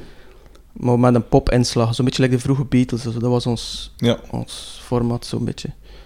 Wat dat mij ook toeliet om vrij veel nummers te kunnen schrijven daarvoor en mij ook nog meer te ontwikkelen en ervaring ook op podium, want die hadden meer optredens. Mhm. Dat was like ook met, met wat oudere gasten en zo. En die hadden een kabinet en al. Dat was echt zo. Ja, ik was zo die, die jonkie die zo wat meespeelde. Maar Ja. ehm, dat was cool. Mhm. Ja. maar dat waren vrij toffe tijden, want ik heb hier in Gent vrij veel eh, muziek gespeeld. Ook, allee, ja, je weet het ook, als je universitaire studies doet, het is te zien in welke richting dat je zit. Mhm. Maar je hebt veel tijd om gewoon hanging around, muziek spelen, op je kot, eh, s s'avonds nog muziek spelen. Ik, eh, op een moment zat ik in drie groepen en ik zelfs mee gebast, op een, een EP'tje van de groep van ons bassisten, van Free. Hm. En eh, dat was ook dus ook al een keer in de studio gezeten dan en al. Ja. Dus dat was eigenlijk wel... Ik heb mij vrij ontwikkeld hier in Gent, zo, zonder bewust daarmee om te gaan of zo, maar Ja. gewoon... Gewoon... eh, Mag ik nog eens vragen? Die skatepunkgroepen dat je daar zei, Ja. dus je zei al Lagwagon, wat ik al de max vind, dat... Allee, no use for a name, no use for a name, ja. no fix. No oh, super, ja. Wat, wat nog allemaal? De Descendants, Ja. maar die, hadden, die waren al oldschool, Ja. maar... ehm, ehm, ook zo een eh, Duitse groep. ehm, en de CD was Shit Happens. Wacht, de Duitse groepen. Beatsteaks Nee, was Duits. Wieso was Duits. nee. Eh, dingen... eh, terrorgroepen. Was dat niet? Was dat zo niks? Maar ik kende er niet veel, hè. Ja, Maar zo, ik, wel- ik vond duidelijk Legwagen de beste. begrijpelijk. Like die stem is zo, Ja. Joey Cape. ja, vrij goede stem. Ja. En like de Heideroosjes vond ik niks, Mm. want dat was niet muzikaal genoeg. Like.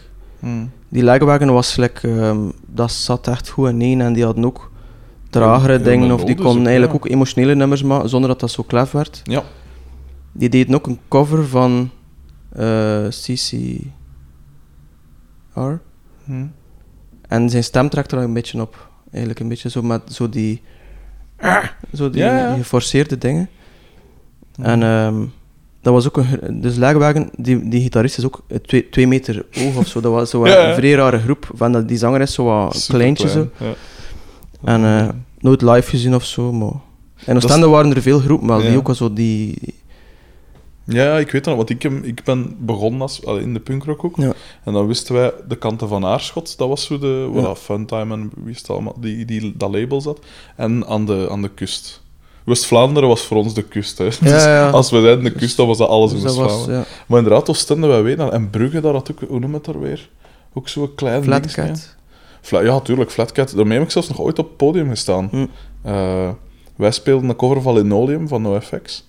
En zij ook. En wij speelden eerst, dan was het Convict, en dan was het Flatcat. En ze hebben mij toen nog mee op het podium gevraagd om mee te zingen. Dat vond ik wel cool. Ja, als gast van 17 vind dat de max, hè, ja. Dat was een coole tijd. Al die, oh, dat was zo'n coole tijd. Zo 2000 en... Oh, wat zal het geweest in 2002 tot 2006, 7 was zo alles punkrock. Ja. Maar dan zulde jij misschien al wat meer naar andere Ja, tegen dan was ik al... Tegen het eind jaren 90 was ik al Ja. een beetje zo... Maar dat was een, dat is een overlap, hè. Ja. Het is een, een lange overlap geweest. Mm. Maar dat was een, tof, een toffe sfeer, want dat was wel een, een genre die zo nog wat een soort anti-gevoel had. DIY, anti-gevoel. zo. Absoluut. Absoluut. En dat, dat super is. Ja. Ik weet nog dat er zo... Want dat is ook vrij ophitsende muziek. Zo, ik, weet, ik weet nog dat er zo lo- lokale kleine festivaletjes waren, of stand dan. Mm. En dat er dan zo wat lokale punkgroepen speelden. En dat, en dat die drum dan begon, eh, zo, weet je wel. En met Mm. die pogo-dinges, dat was like van, wow, dat is hier gevaarlijk, dat is hier... Ja. En het rook daar dan altijd naar zo'n specifieke rare geur, dat dan wiet was natuurlijk. Oké. En, eh, Dat of urine? Of urine. Nee, het was, het was duidelijk wiet. Want urine weet ik. Maar toen wist ik niet wat dat wiet was nog. Toen wist ik nog niet wat dat wiet was. Uh-huh. En iedereen moest er zo wat, like, wat afgeleefd eruit zien en met, met zo'n kappen zo. En dan Mhm. zijn haar zo wat niet netjes doen en zo. En, en, maar in Oostende... Niet netjes, Ja. schitterend verwoord. niet netjes doen zo wat. En, en, en, en, maar in Oostende mag je ook niet de dandy uithangen. Je moest er ook niet afkomen met alles die af is. Mhm. Moest er zo wat... Mocht zo wat best wel maar marginaal zijn. en zo. Als het te Mhm. protserig was, was het zo van, hey, gast, ook normaal. Ja. En, en, en dat hij wel vrij vrij Oostende, dat ik het nog altijd vrij lang had. Mm. En, eh, maar ja, die, die, die skate scene, eh, ja, dat was wel echt de center of attention van, van Oostende. En heb je dan zelf ook geskate? Allee, het echt Ja, ge- gerollerblade en geskate, maar Cool. ik was niet echt zo'n zo'n daredevil. Uh-huh. Die al eigenlijk voordat rollerbladen en skaten vrij populair werd weer, had ik buren die rolschaatsten in de jaren 80. Oké.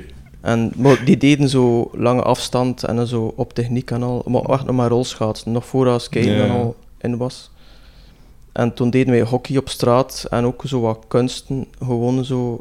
Max? ja, dat was een max. En ik was er eigenlijk vrij goed in, want ik kon stoppen zonder, met, zonder die blokjes te gebruiken. Dat was zo van, ik kan een pirouette doen. trouwens. Ja, die blokjes naar voren. Ja, zo. ja, ja.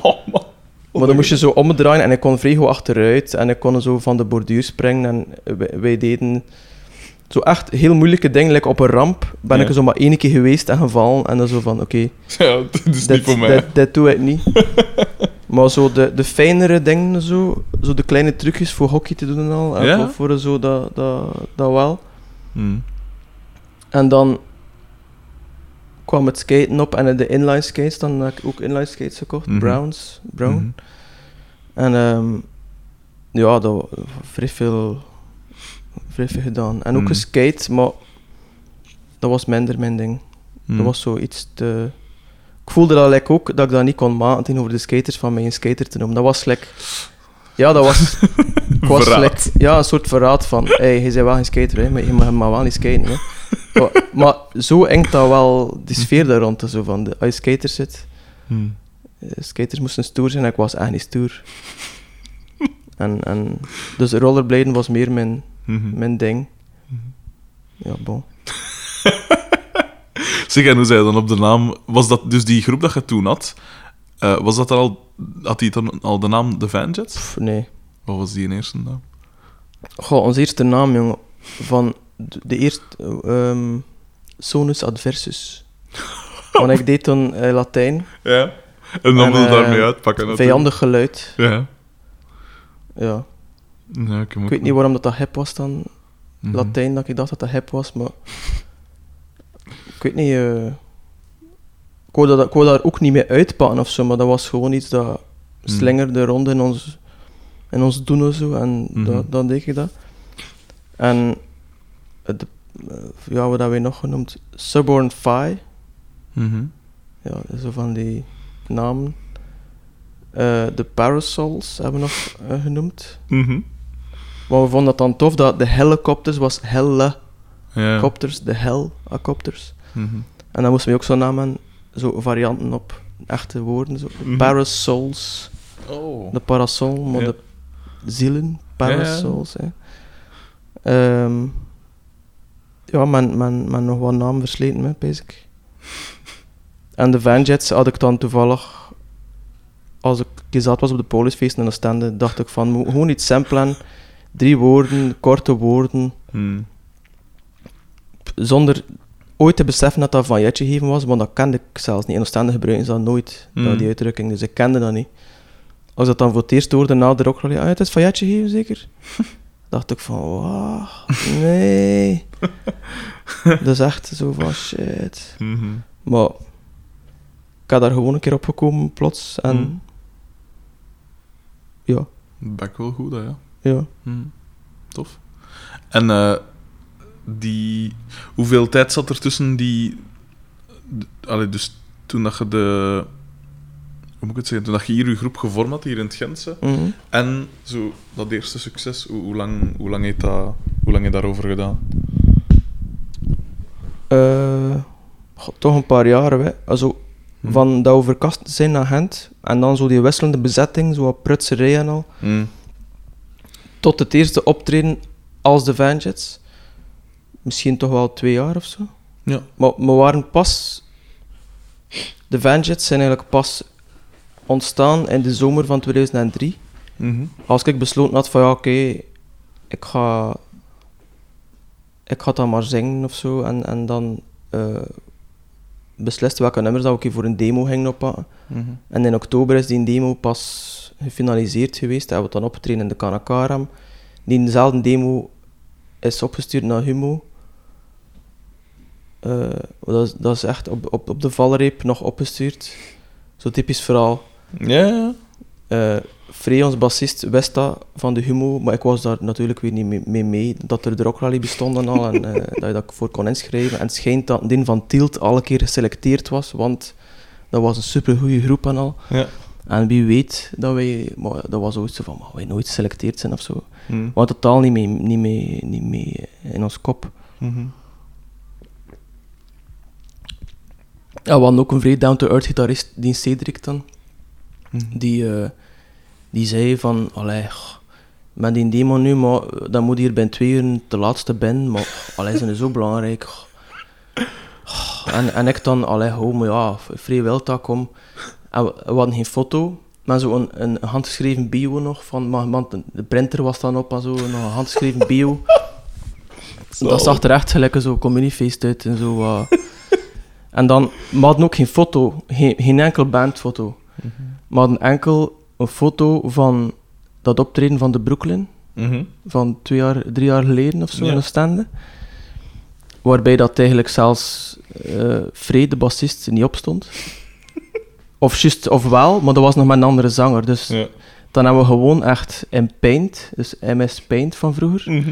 gewoon ons, onze, de figuren, we hadden zo één foto van Vera zo. Maar zo gewoon de figuren dan uitgeknipt en ge- gepast op een zo gewoon een andere, een andere blank eh, file zo. En dat was dan, maar dat zag er niet uit.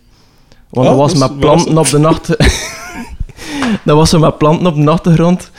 En die belichting was verschrikkelijk. En, en ik stond daar dan zo met zo'n gitaarmuil, zo, juist mijn akkoord te checken of zo.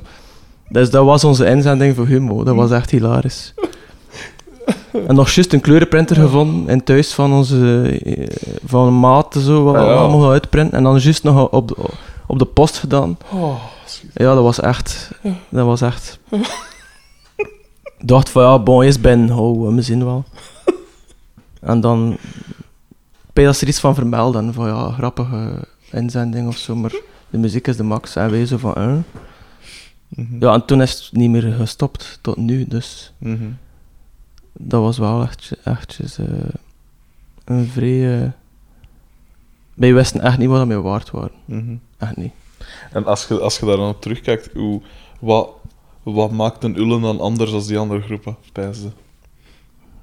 Onze onbezonnenheid. Wij waren Hmm. zodanig da- daar niet mee bezig dat wij in volle overtuiging en naïviteit gewoon niet bezig waren met muzikant zijn of, of met. We kenden weinig van de scene of weinig van. We, we hadden ook geen ambitie of zo, dus dat kon ons niet schelen. Dat kon ons gelijk niet schelen. En dat was like, blijkbaar vrij aanstekelijk. Mhm. Want wat de- want je zegt dat kan ons, niet, kon ons niet echt schelen. Wat was dan zo Ullen? Wat was voor u dan bijvoorbeeld uw doel in het leven? Wat wilde jij doen op uw 30? Goh, Ik had lang eigenlijk niet, niet die vraag gesteld. Wel, Ik was 23 als ik er ook al of won. Hè. Mhm. En toen was ik aan het aanmodderen eigenlijk gewoon echt. Ik had eigenlijk in Gent... Ik had wel een, een wereldbeeld van mezelf, of, of, of, of een toekomstbeeld, dat ik gewoon, gelijk mijn ouders, iets ging studeren en dan misschien wel werken, maar dat werken, dat zag ik echt niet zitten eigenlijk. Ik was ook totaal niet praktisch ingesteld, dus voor mij was werken like, een vrij ver eh, idee zo van, wat is dat werken, weet je wel. En eh, ik eerst... Dus ik was in het secundair goed in wiskunde en tekenen. Mhm. Dus ik dacht, ja, architectuur. Mhm. En eh, ik was een vrij zacht iemand. En ik kwam terecht op Sint-Lucas, de creatieve school, maar ik ben daar volledig... Het eerste jaar wel gemakkelijk uitgeraakt. Mhm. Het tweede jaar was al wat serieuzer en ik kon niet om met dat persoonlijke presteren en met die kritiek en al. Ik was daar echt... Ik was zo'n watje die compleet klaar was voor ingedukt te worden en depressief geworden en al. Mhm. Dan heb ik geswitcht naar eh, filosofie en dat was wel weer mijn ding, want ik mocht ook dan... Ik moest dan, dat was iets dat ik kende, een bureau met een, met een boek. En waar je moest blokken en waar, dat je moest dingen verstaan. En ik vond dat in het secundair ook al de max. De weinige lessen filosofie dat we hadden, Mhm. vond ik echt mijn ding. Terecht.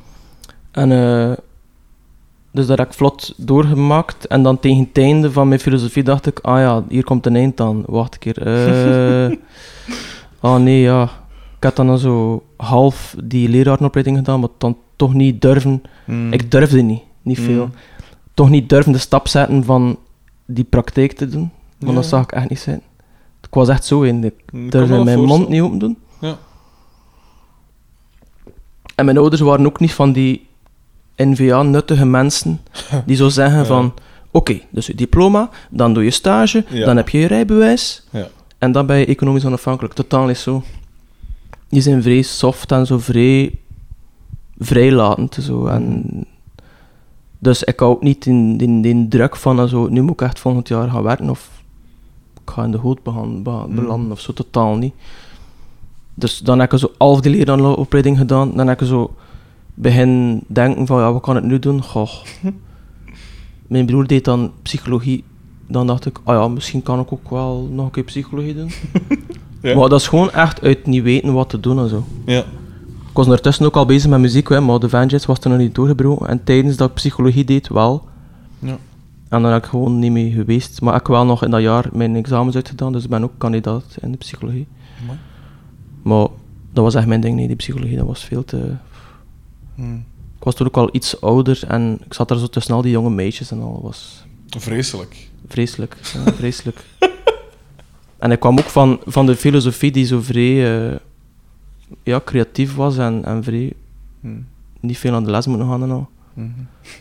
En, en ik was toen een beetje in een sukkelstraatje beland. Dus Mhm. ik wist dus zo niet echt goed wat ik wilde doen en zo. En ik deed ook niet veel nuttigs. Zo. Zo, ik weet niet wat ik dan deed. Ik had dan een keer beginnen lezen. Ik had toen in mijn kop gekregen dat ik de, in de naam van de roos moest lezen een keer. Van Echo. Ja. En dan deed ik daar ik weet niet hoe lang over voor zo'n 50 pagina's te lezen. Maar dat was dan mijn project van de dag. Zo van, ik ga mij aan het raam zetten en dan beginnen lezen daarin. Ja. zo. En dan zo een soort intellectuele trots daarin vinden. Zo van, hm, ben, ben dan aan het lezen. Hm. En, eh, dus dat was dan mijn, mijn, ja, ik weet niet wat. En dan wat muziek spelen en wat smoren en wat... Ja, eigenlijk is het goed dat er dan iets tussen gekomen is, want toen wist ik ook niet wat te doen eigenlijk met, Mm. mijn, met mijn leven. En ik zag het niet zitten om te werken. eh, dus ja, het is pas als ik met de Vanjets doorbrak, dat ik dan zo effectief er ooit iets mee gedaan heb. Ik heb dan zo like, privélessen gegeven, filosofie, Hm. zo van die repetitorkantoren. Ik vond het eigenlijk wel nog tof. Hm. En ik ook via mijn pa, dan die in het onderwijs stond, zo een 20% functie had ergens, dat ik ook in de klas stond, filosofie geven aan kinesitherapeut, eh, kinesisten. Of is dat hetzelfde, ik weet niet. Perfect doelpubliek. Het perfecte doelpubliek, ja. Maar ik wilde dat zo wat aanpassen, die inhoud. Dat was Ja. zo een hortroge geschiedenis van de wijsbegeerte. Dat enkel als je echt geïnteresseerd zit daarin. Ja. Maar ik wilde zo gewoon wat thema's geven. En ja, dat mocht niet, want dat curriculum stond al vast. Bla bla bla, zo van die statutaire dingen of Oh. zo. En ja, bon, dat was genoeg een ervaring om te weten, dit wil ik niet doen. maar mijn liefde voor dat vak was wel nog altijd groot, hè, maar Hm. ja, dat was like zo, ja. En eh, ik, had dat dan, ik had dan ook nog eventjes in de fabriek gaan werken, in eh, AMP, maar gewoon tijdschriften in bakken leggen en zo voor de nacht en s'nachts of overdag. Mhm. Dus ik, ik had eigenlijk nooit echt een toekomstbeeld. Ik vermeed dat gelijk onbewust, eh, omdat ik daar Mm. niet klaar voor was. Gelijk. Herkenbaar. Dat is echt... met zo die generatie van... te vrijgelaten worden misschien. En Hm. Ik vind dat ergens wel goed, hè, dat mijn ouders mij vrijgelaten hebben, maar... Mijn ma heeft mij wel verplicht van mijn rijbewijs staan, dus daar ben ik wel content van. Ik had er al van als ik twintig was dan. Dus dank u, ma- mama. Maar, eh, maar voor de rest ben ik vrij eh,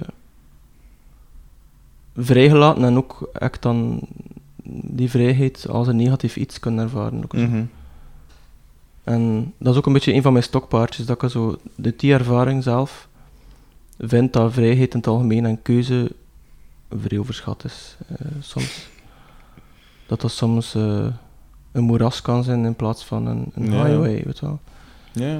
En bon, ja, maar ik ben, ben extern gepusht in een richting dat ik zelf alleen, voor, alleen over kon dromen als ik 16 was en dacht van ik wachtte dan echt op de doorbraak. Zo. Want je had zo, de, je had zo die verhaal van Nirvana Mhm. en dan word je ontdekt en dan is het Ja. vertrouwen.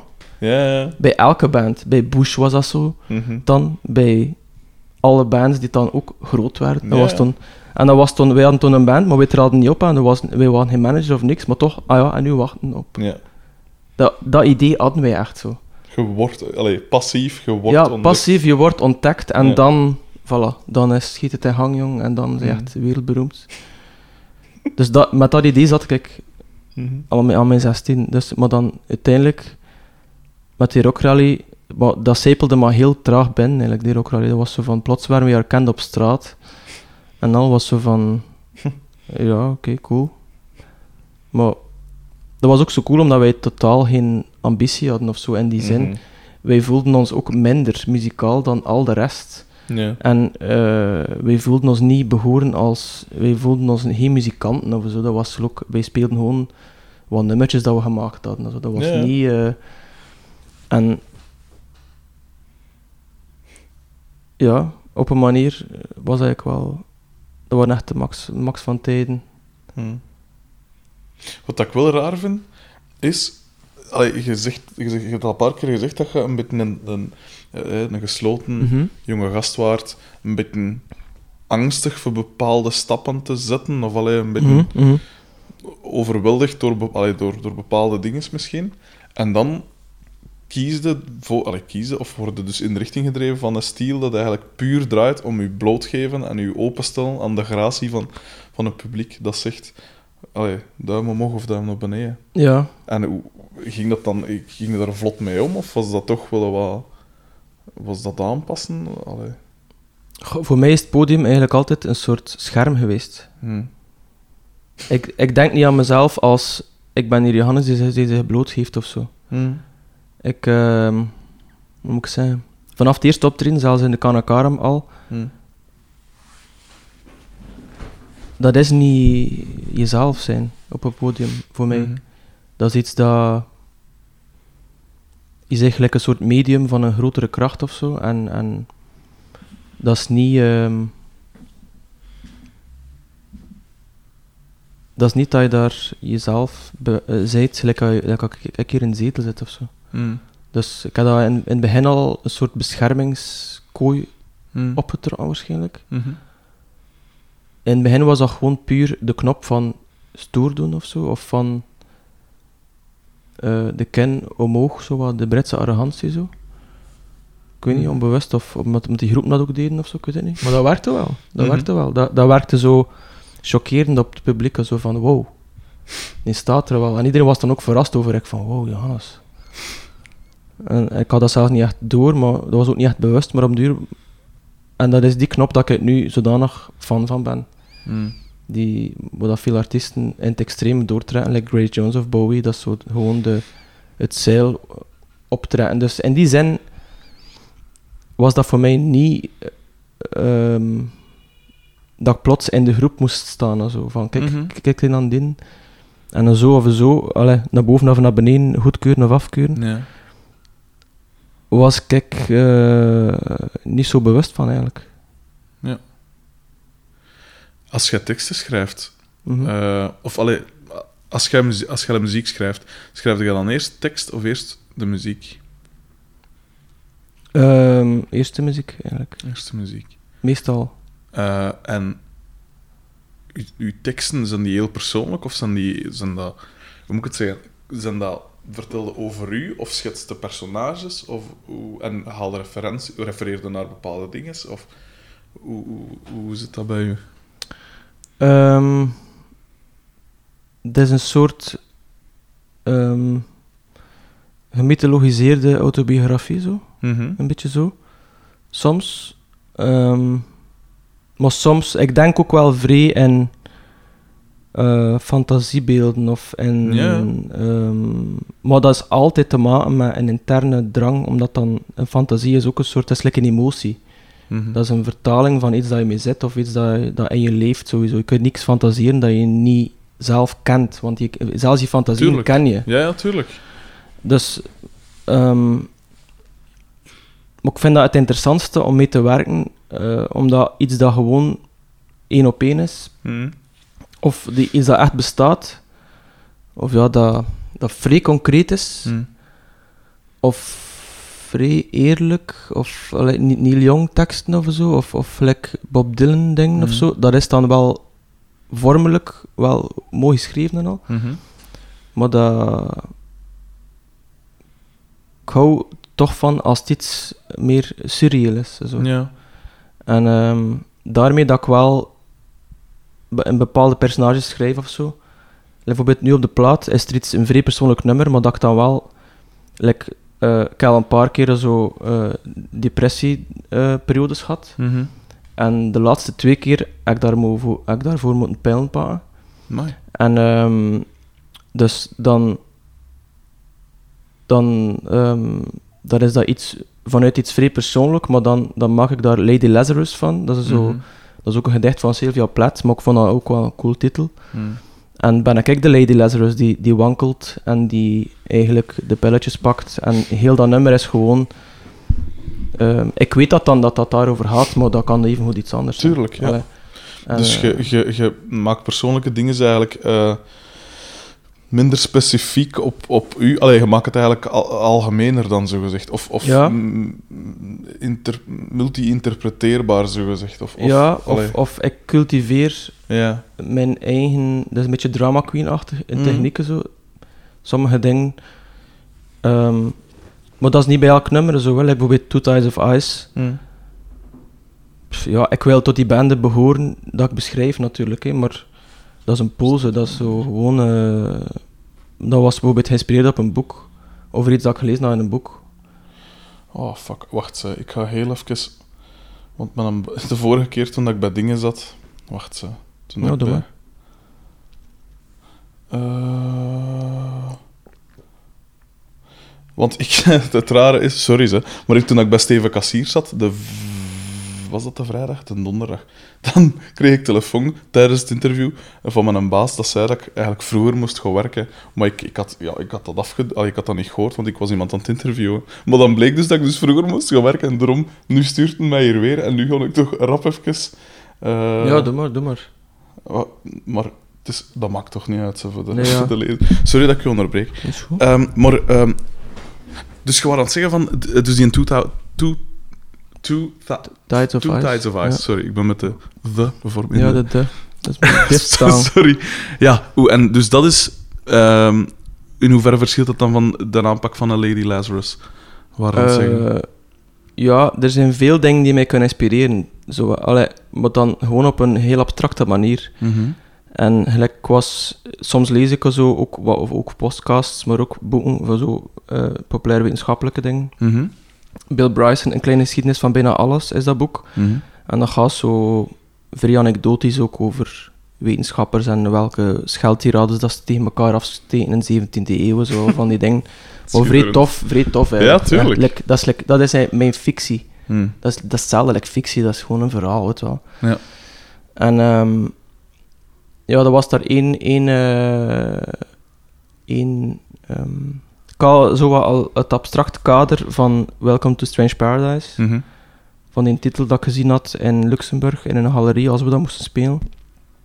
En een beetje dat fin de siècle, post-apocalyptische sfeer daarvan. Ja, ja. Ehm, en ehm, ja, die, dat ging plots over ijstijden. ja. En dan werd er gesuggereerd dat eigenlijk na de laatste ijs, grote ijstijd eh, onze beschaving pas echt in een stroomversnelling kwam. Ja. Maar, maar zo de eerste grote beschaving van Irak of, of Babylon Ja, of zo van die dingen. En uiteindelijk is dat de bakermat van onze Europese Mhm. en mondiale beschaving. Allee, nu, nu, nu is dat aan zijn einde aan het komen en iedereen voelt dat wel. Mhm. Maar ehm, dan, ging, dan suggereerde hij dat er, dat er volgens, de, volgens de normale cyclus moest er nu terug een ijstijd, kan er any moment now. Ja. Dus ja, voilà, dat kan plots in, in een paar jaar gebeuren, Ja. zelfs. En we zijn er ook alles aan aan toe. Er een kantelpunt, ja, ja, dat Ja. kan. Mhm. Want zelfs klimaatopwarming kan een ijstijd triggeren, dus dat Tuurlijk, is wel paradoxale eraan. Ja.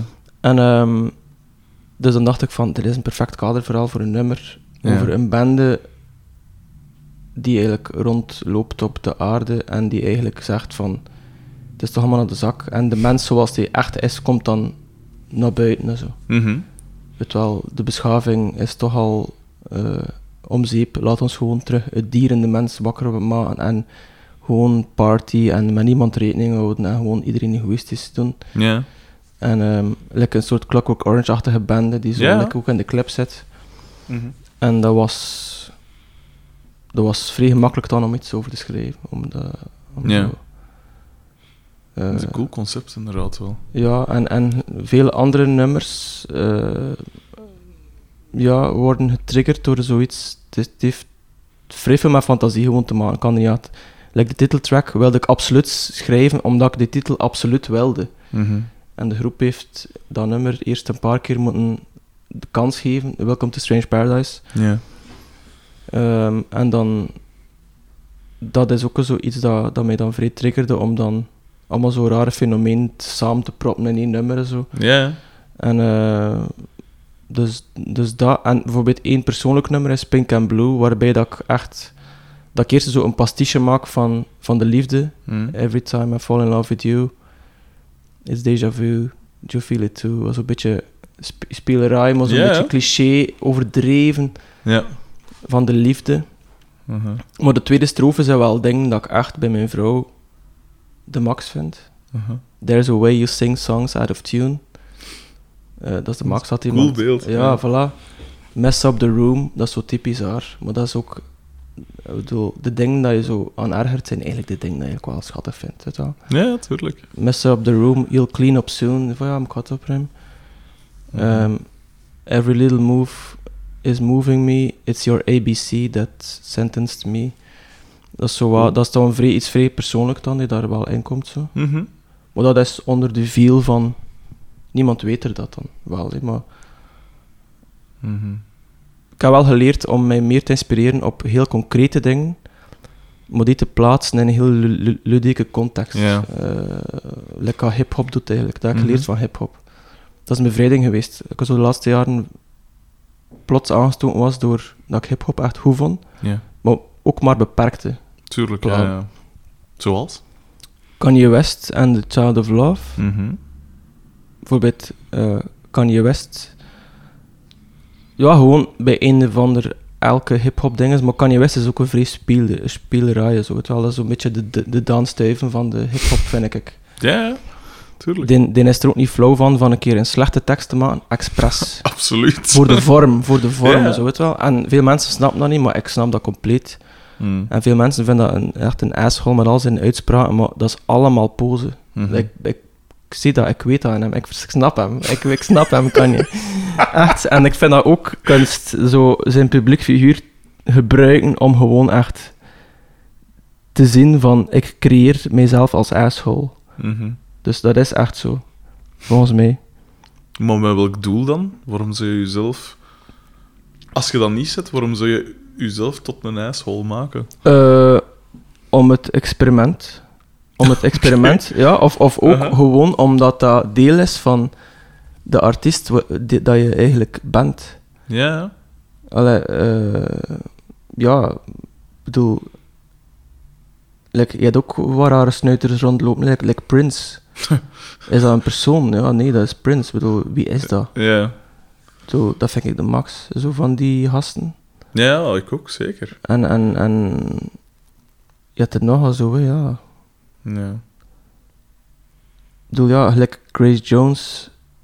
eh, wat is dat? dat is, is dat een vrouw of een man? Nee, ja. Wat Is dat Ja, een mens? Nee, is dat...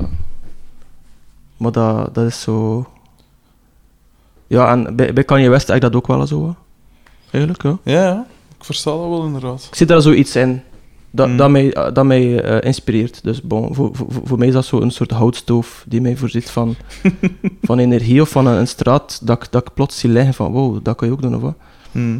En ehm, wat ik wilde zeggen, in, in hip-hop heb je veel ehm, concrete zelfstandige namen, allee, zo, eh, eigen namen die zo gedropt worden. Ja. Merknaam, Mercedes-Benz, Ja. eh, bla bla.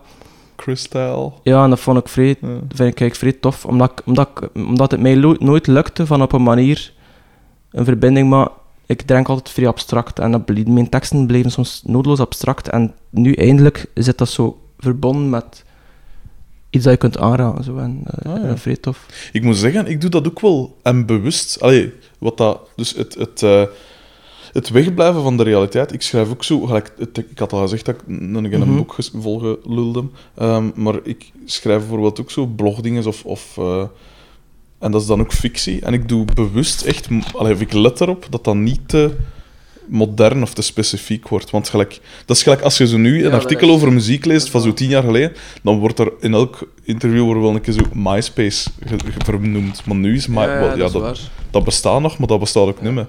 En ik heb hetzelfde met zo gelijk eh, het woord laptop of gsm of... eh, eh, ik zeg het, ik zit met een roman in mijn kop, daar gaat niet in ge-sms'd worden of zo. Nee. Terwijl het dan natuurlijk al super ingeburgerd is. En, Dat is inderdaad de vraag. Maar ik probeer dat zo wat bewust zo'n beetje Ja. in een tijdloze dingen te houden altijd. Ik, zei, ik, ik heb ook een tijdje blok gelegen met die vraag van... Moet je het universele... Ligt het universele in het ontwijken van het eigentijdse, Ja. typische Ja, en vergankelijke? Of is net het helemaal opgaan in het moment iets tijdloos? Ja. Want als je... Gelijk bijvoorbeeld... ehm, ja, zo van die groepen die gewoon enkel kon bestaan begin jaren 80. Telex of zo. ja. Maar dat is juist doordat zij zo specifiek waren in dit tijdperk, dat dat iets universeels krijgt. Dat is Ja. vrij paradoxaal. Ja, En in de tussenzone, denk ik, we zijn inderdaad vrij passé rap. ja. Maar ik heb het in het algemeen wel voor artiesten die iets universeels proberen te doen. Gelijk, ja, hetzelfde voorbeeld, A Clockwork Orange, dat ziet er universeel uit. Mhm. Die, die pakjes dat ze aan hebben, dat is niet... Is dat jaren 70? Hm. Nee.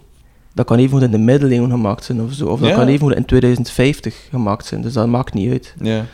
En door iets te abstraheren... eh, ja, ik hou er ook wel van. Van dat type Ja. artiesten. Of zo... eh, ook muzikale. Hm. Als je dan... ehm, ik kies altijd voor klassieke composities, een beetje voor, mijn nummer. Ja.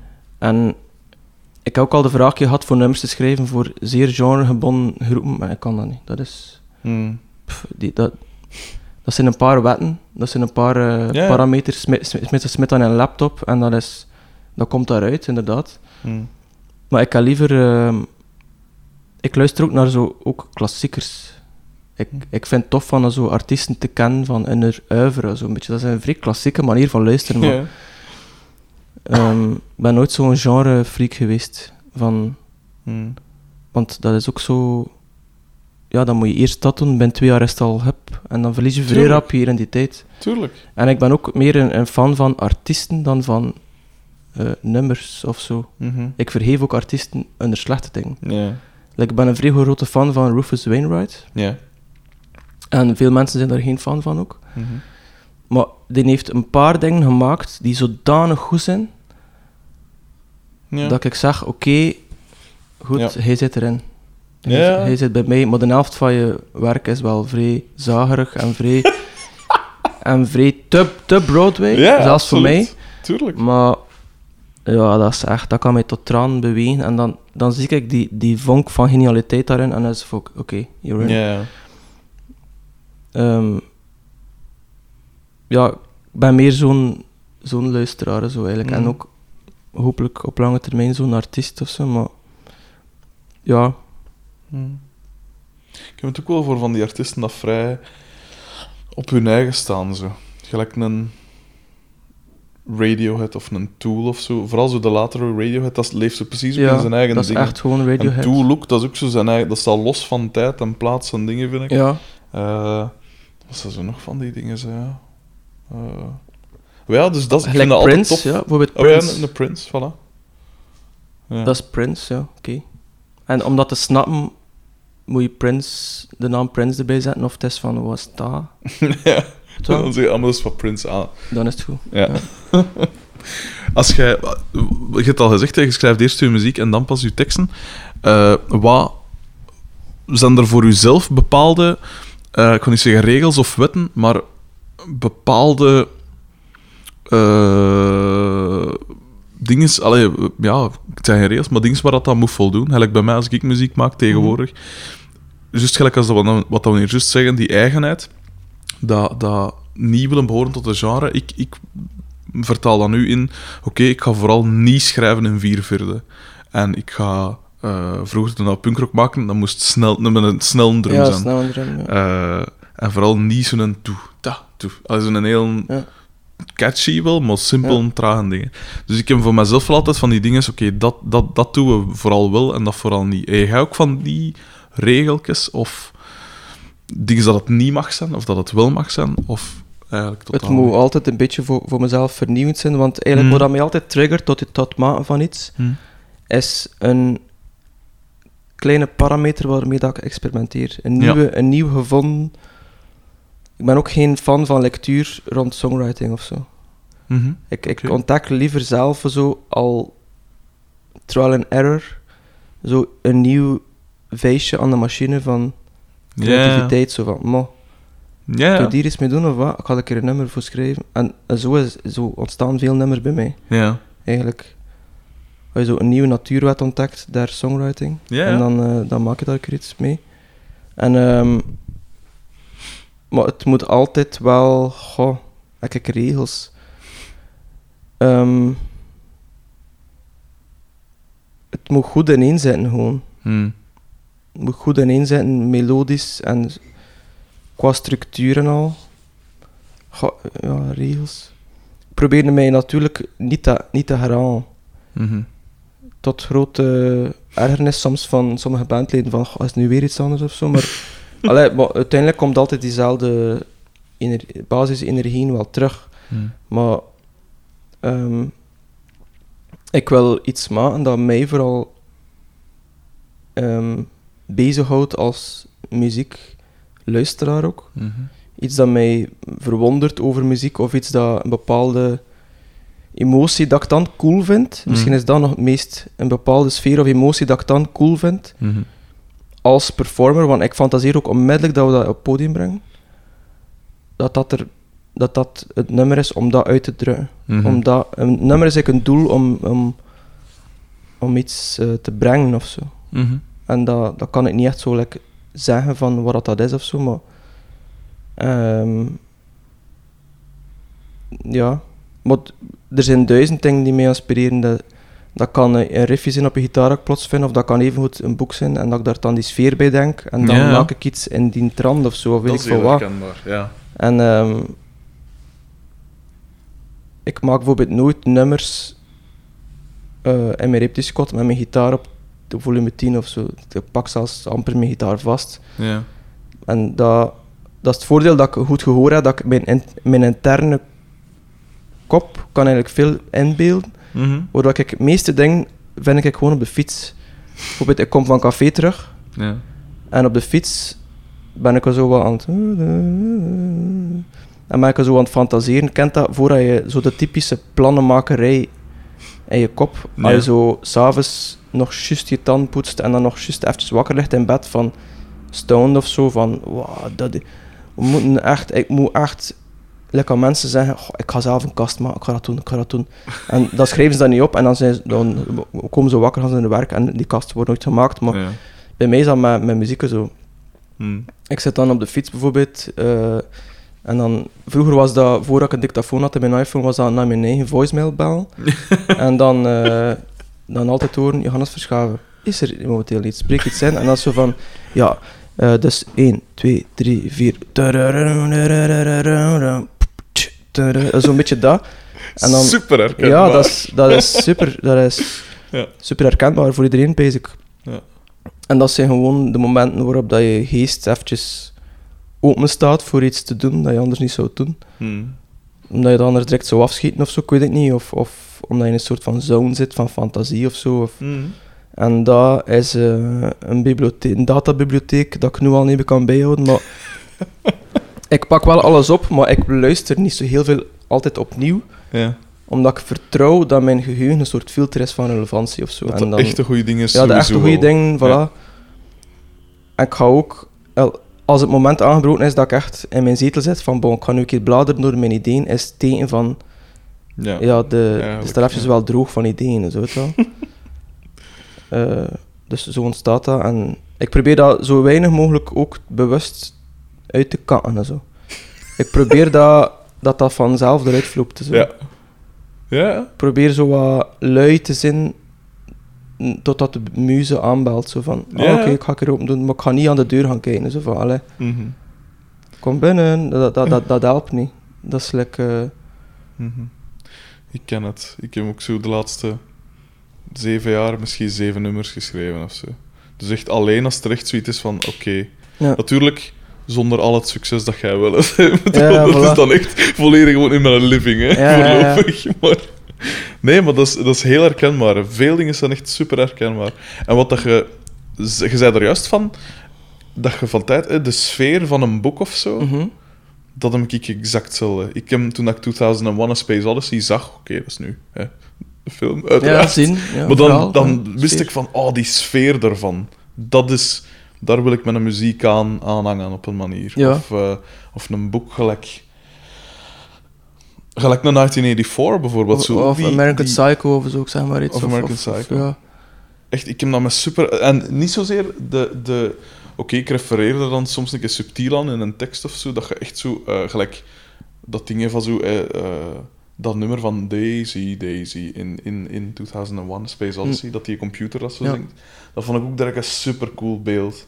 Eh, of het moment dat, een zo, dat die computer eh, de hoofdfiguur probeert tegen te houden om hem af te koppelen. Zo. Dat moment Ja. vond ik super cool. En daar heb ik letterlijk een zin van overgepakt en in een tekst gedaan. Niemand beseft dat Ja, dat is waar. Maar dat doe ik superveel, zo'n dingen. Maar ook gewoon de sfeer. Bij wat, u, wat zijn bijvoorbeeld voor u zo van die films of boeken dat een inspiratiebron geweest Ja, ik had al veel verteld, maar A Clockwork Orange, Mm.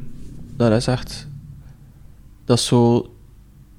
Omdat, dat heeft ook een vrij performance gehalte. Ja. Als je dat keer bewust bekijkt, ik heb dat over laatst keer gekeken, nog een Mhm. keer. Want ja, ik heb die al vijf keer gezien, maar zo vier keer stoned. En dat, dan is dat zo van, wat was dat nu weer in die film? En want dat, ja, je moet daar echt een beetje mee zijn van, wa- wa- wa- dus nu is hij, oké.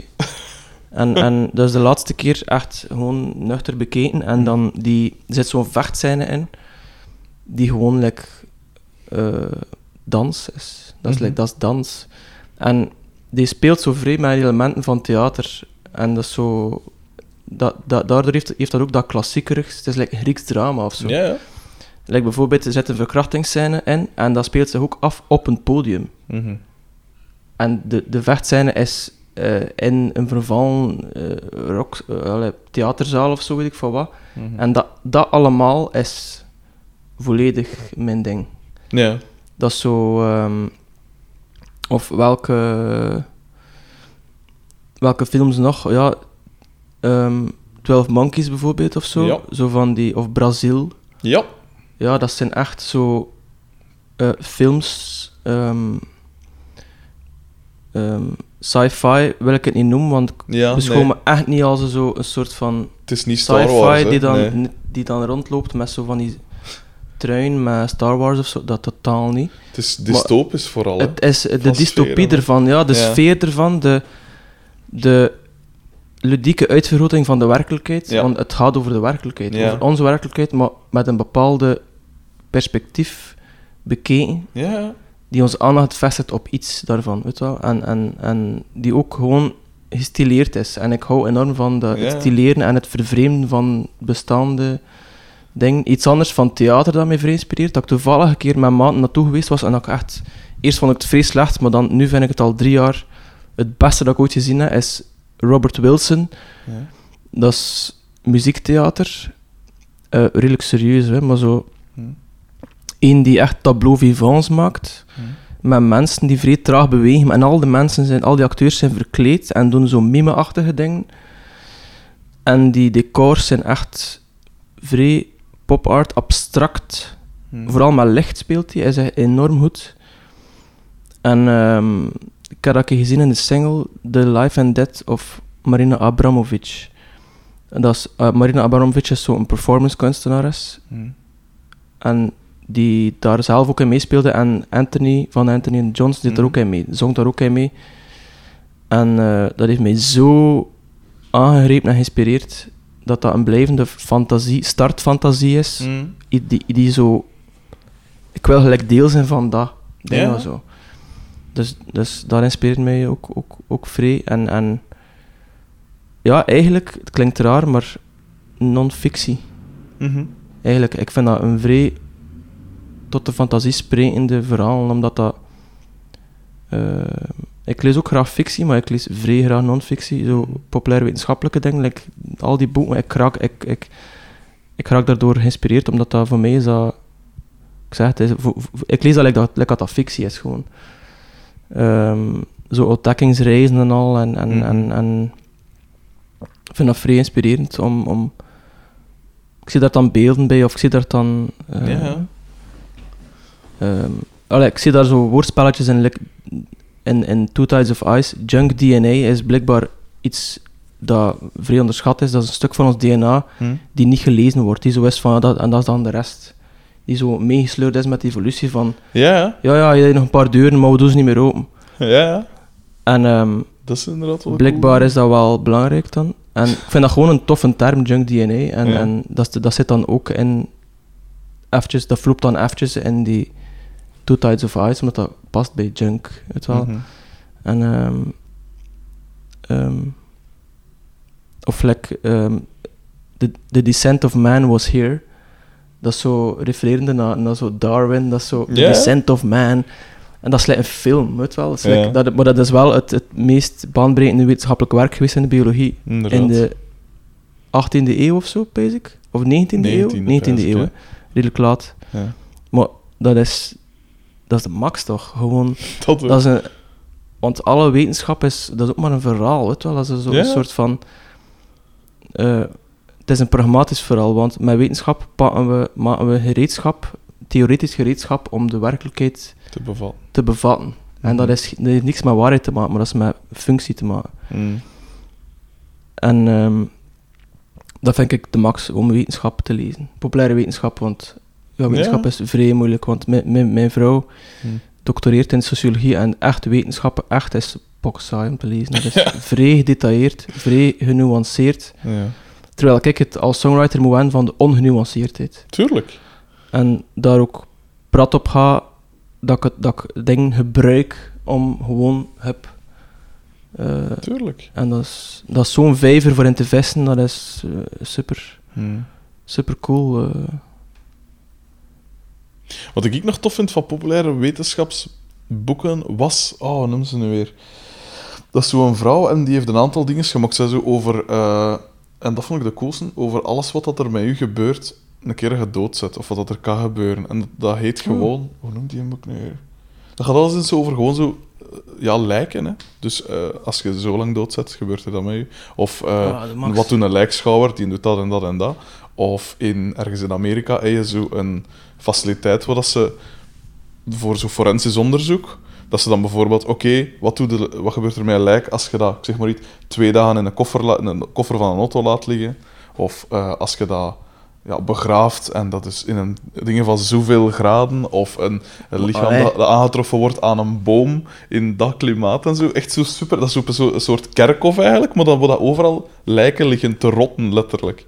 Dat soort dingen, zo van die super abstracte, on- oneerbiedige dingen ja, zijn. ja, ja, ja, ja, de Maar ik max. vind dat super. Maar ze ook zoiets met... eh, dus ook zo over alles met seks. Zo, alles wat dat er met je lichaam gebeurt, als je aan het bezig bent met, met die eh, bezigheid. Of eh, ze ook iets met... van zo naar Mars reizen of zo, als we naar Mars zouden reizen, wat dat er dan allemaal... allee, ook zo al- altijd met wetenschappers gaat Ja, ja, praten. maar dat is de max. Dat is super cool, hè? Dat, is de max, dingen. dat is gewoon... Ja, dat is... En wat, dat wat dat je dan zegt ook van zo die ontdekkingsreizigers, het coole daaraan is, dat zijn zo al die avonturenromans dat je wel kent van vroeger, maar dan echt. Echt, hè? En eigenlijk, eh, ik heb onlangs dingen gelezen, de, de, de Gulag-archipel van Solzhenitsyn. Dus over, dat zijn getuigenissen over, die heeft 17 jaar in de Gulag gezeten. Wat dat krankzinnig is, uiteraard. En eh, dat zijn allemaal, die, hij schrijft, dat is een, een vlammende aanklacht, zoals dat dan heet, tegen dat, dat beleid. En hij heeft er terecht de Nobelprijs voor gewonnen, wat is echt een zot een boek. Maar dat zijn dus echt getuigenissen van iedereen dat hem daar eh, leren kennen heeft en alles wat dat onthouden heeft. En hij heeft dat daar, een deel heeft daar geschreven en dat moeten verborgen houden, want anders werd natuurlijk direct eh, geëxecuteerd. En dan vertellen over die folteringen en over dat werk en over zo de, de, de, het leven van die gevangenen. En dat er dan zo ja, de, de, de diefstal tussen de gevangenen zelf en zo, dat echt gewoon om te overleven in die, door in het noorden, het absolute noorden van, van Rusland. Dat is echt getikt. En in het begin bij ze, ja, dat is toch wel wat was saai. Allee, dat is, Ja, dat is natuurlijk van een andere kosten tijd. zo, hè. Dat is ja. geschreven in de jaren... Ja, een deel in de jaren 50 en dan eh 40 en dan nog later. Het is pas gepubliceerd in 1970, pijs ik, of in de jaren 60. Maar alleszins, een keer je erin mee zit, dat is getikt. Want je kent die verhalen wel. En je hebt- iedereen kent wel verhalen over Auschwitz en weet ik veel. Maar het zotte daaraan is dat die Russen op een gegeven moment begonnen die echt te werken met quota. En van, oké, ja, het maakt niet uit of dat ze iets gedaan hebben of niet. We moeten zoveel Zoveel- gevangenen hebben en gewoon up, die en die en die en families. En echt getikt. Maar echt krankzinnig. Echt een, want op een gegeven moment zat ik te wijzen en ik ben gefascineerd door de Tweede Wereldoorlog. En, dus ik ken er al redelijk wat van gelezen. Op een gegeven moment zat ik te pijzen. Die Russen zijn nog erger als de nazi's. En dat is toch een vrij, een vrij straffe stelling. Dat is wel... Dat is echt een zotte boek. Maar ja, maar Maar dat zijn dan van die dingen, dat is zodanig... Er zit zoveel fantasie in op een manier, omdat dat zo omdat het waanzinnig ongelooflijk is. Ja. En dan is dat nog echt ook. Dat, is, Ja. dat vind ik... Daarom, ik vind dat...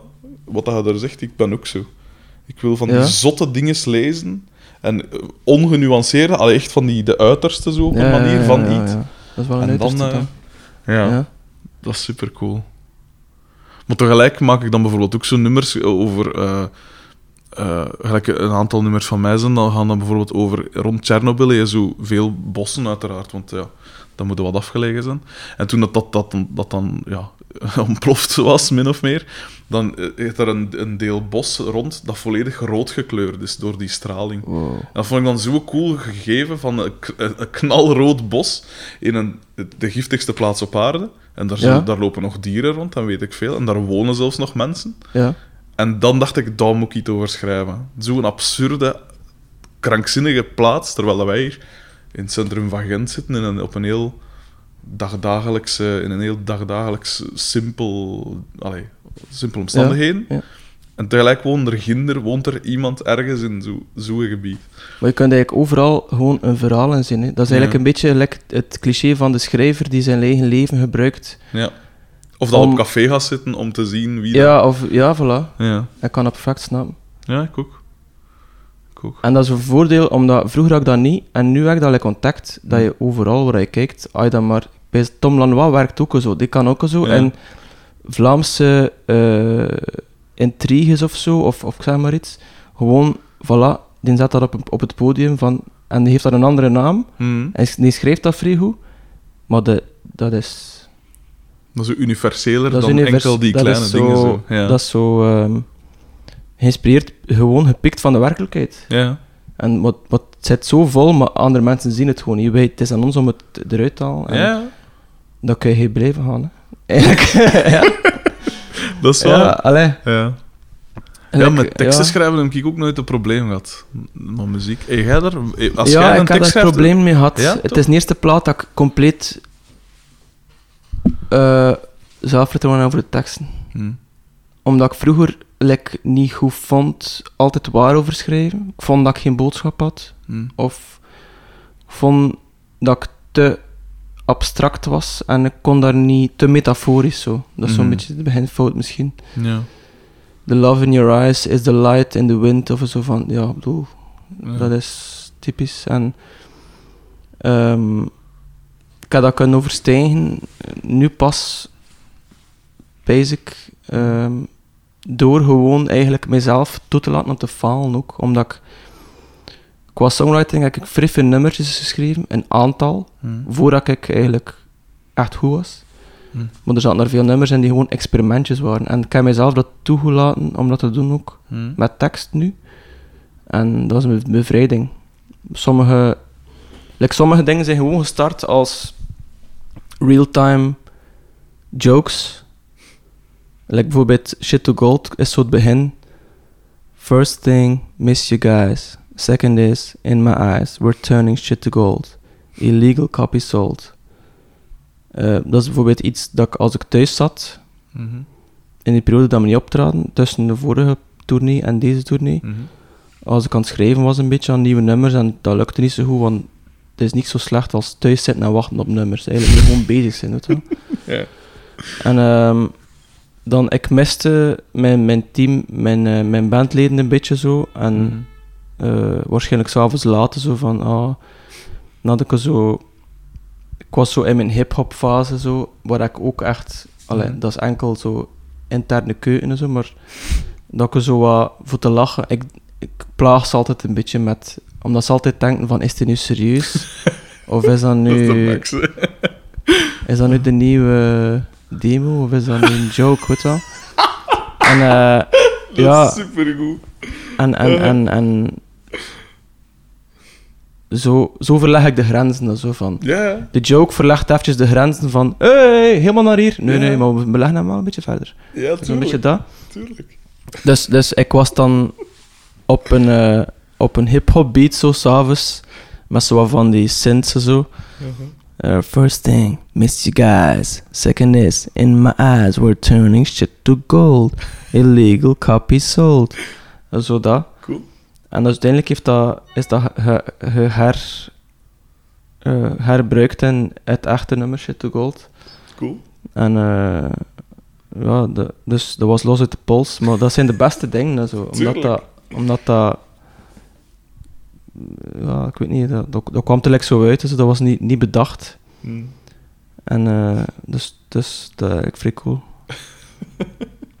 maar zijn er, nog, zijn, er zijn ook nog andere nummers die ook zo wat losser eh, uitgekomen zijn. hè. En dat is eigenlijk Mm. een bevrijding geweest. Zo... Ja, nu ben ik echt confident over, over mijn teksten eigenlijk. Mhm. Cool. En eh, van de muziek was, al, was ik al langer confident. Hè. Ja. Maar nu, is, nu heb ik het gevoel dat, eh, dat mijn teksten en muziek ook vrij op elkaar afgesteld zijn. En dat ik dat vrij... Dat dat eigenlijk één blok is, dus dat is echt de max. Mhm.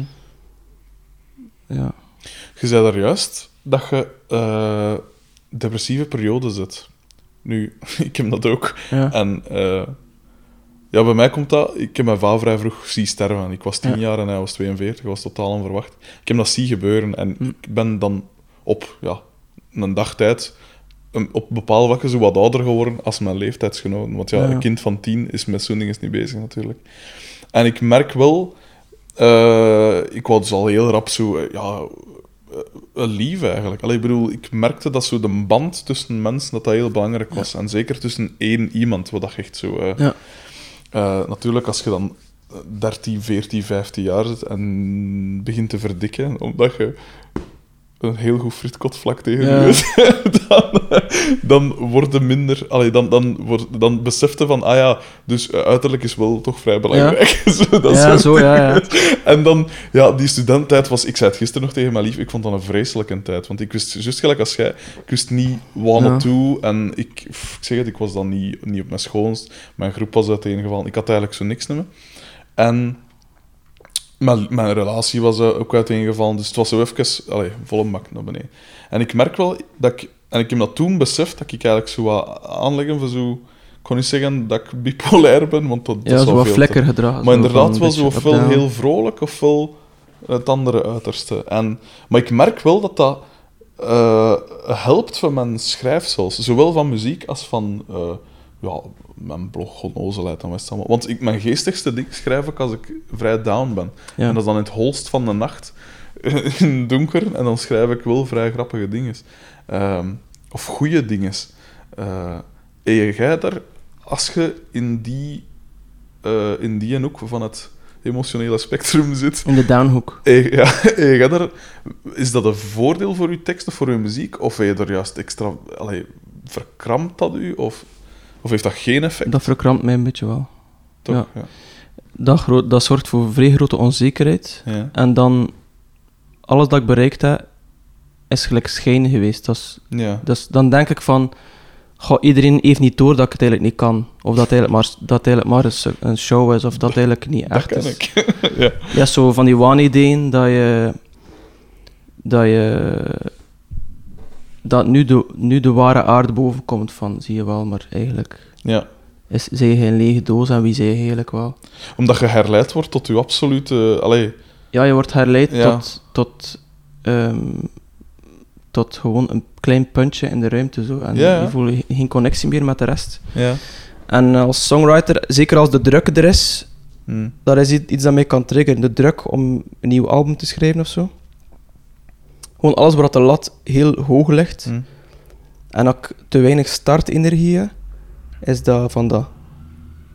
Dus maar Mm. ik weet dat nu al. Dus, en mijn, de key van ik is basic ook iets meer zelfvertrouwen hebben, dat ik minder zo moet pijzen. Mhm.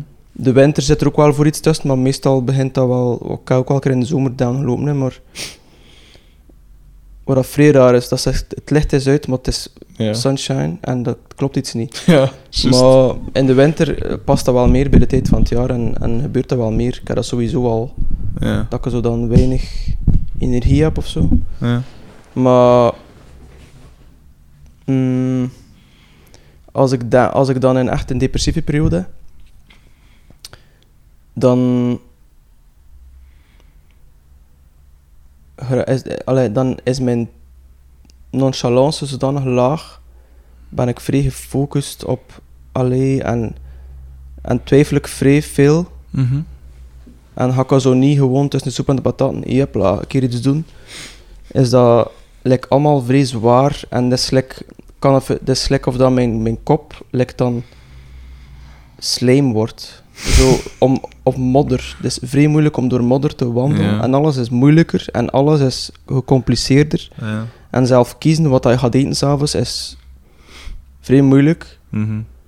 En gaan slapen is een troost, omdat je dan eventjes niet moet leven. Ja. Eigenlijk, echt wel. En... ehm, ja, je, je, je hebt eigenlijk geen inspiratie meer. Mhm. Ja, ik ken het. Eh, allee, inspiratie, voor mij is dat... Ik heb soms ook van die manische periodes, maar ik ben Mhm. niet manisch depressief of zoiets. Ook, Nee. ook, ook dat niet, maar achtig iets. Ja, ja. En als ik dan in die helling zit, naar boven toe, zit er ook wel een punt in dat ik met mijn kop tegen het plafond weer bots van dat ik, dat ik echt een beetje zot word eigenlijk. Mhm. En dat is de periode dat ik te veel creativiteit heb. Dat Mhm. ik zo te veel zou doen. Dat ik eh, zo wil beginnen een film maken, dat ik wil eh, van alles doen. Ik pijs dat ik op dit moment in zoiets zit. Ja, ik ook. Het is echt Ik van ook. superveel dat ik Ja. wil doen en ga Ja. doen. Ja, en op het moment had het weer allemaal. Ja, want ik... Dan weet je nu, na de zomer had weer van dat zijn wennen. En eh, dan gaan we nog een keer klappen. Ja, En, ik eh, zei, het, ik zei het ook onlangs tegen, ja, tegen mijn vrienden en mijn liefst, van, van, ja, eh, want ze zeiden van, ja, het is precies wel goed aan het gaan, hè, bij de morgen en bij uw podcast en West. Ik zeg, ja, en subiet word ik waarschijnlijk overeen door de camion of zo. Dat is, ik weet altijd, als het te goed gaat, dan is er een, een absolute, alleen een dingen vlak om nog. Ja, En dan is dat genoeg om alles weer zo... maar dat, heeft- dat heeft iets te maken pees, met grenzen stellen. hmm. Ik ben moeilijke grenzen stellen voor mezelf. Ik speel ook altijd gra- graag met grenzen. Dat is iets dat mij triggert. Tuurlijk. Om, in muziek verleg ik altijd een klein beetje de grens. Ik ga er ook altijd een klein beetje over. Zo. Ja, ja. Moet, al- moet, al- moet altijd een klein beetje te overdreven pastiche zijn. Of altijd een beetje- te Ja, gemaniereerde zang. Of een beetje te kleurrijke videoclip. Of een beetje te Ja. dit. En dat is ook... eh, mijn- mijn- mijn- mijn vader heeft, kent ook geen grenzen. Die kent pas, als, die kent pas de grenzen als, als hij doorheeft van... het gaat echt niet meer. Dus Ja. het, is, het, is, het is teken dat je het buiten grens zit. ik ken het. En eh, ja, bon, ik, ik brand dan op Mhm. en dan is het vat af en dan valt de, valt de, de ballon naar beneden. Maar wat dat gezegd is wel, allee, van, als het juist er een beetje overgaan, vind ik, dan wordt het wel juist pas interessant. Ja, Want de, de, de dingen dat we kennen, ja, die, die kennen we. die, die bestaan al. Voilà. Het is dat. het is dat. What's the point, ja. En dat wil Ja. erom niet zeggen van, eh, want allee, bij u is dat dan gezegd juist zo, een beetje theatraler of een beetje Ja, eh, een beetje erover of erover en zo, ja. Maar dat kan, allee, als je dan ziet, gelijk bij mij is het dan. Ik vind die dingen zo cool, hè, pas op, want ik heb het ook voor wel. Ik wil gewoon iets speciaals zien. Gelijk een optreden ook. Tegenwoordig wil ik iets speciaals zien. Hè. Ehm, maar dat kan dan bijvoorbeeld ook zijn. Gelijk, ik weet niet of dat je Tim Hacker kent. Nee. Dat is een Canadese. Hoe moet je dat noemen? Ehm, dat is bijna Soundscapes dat hij hem ook, maar super cool.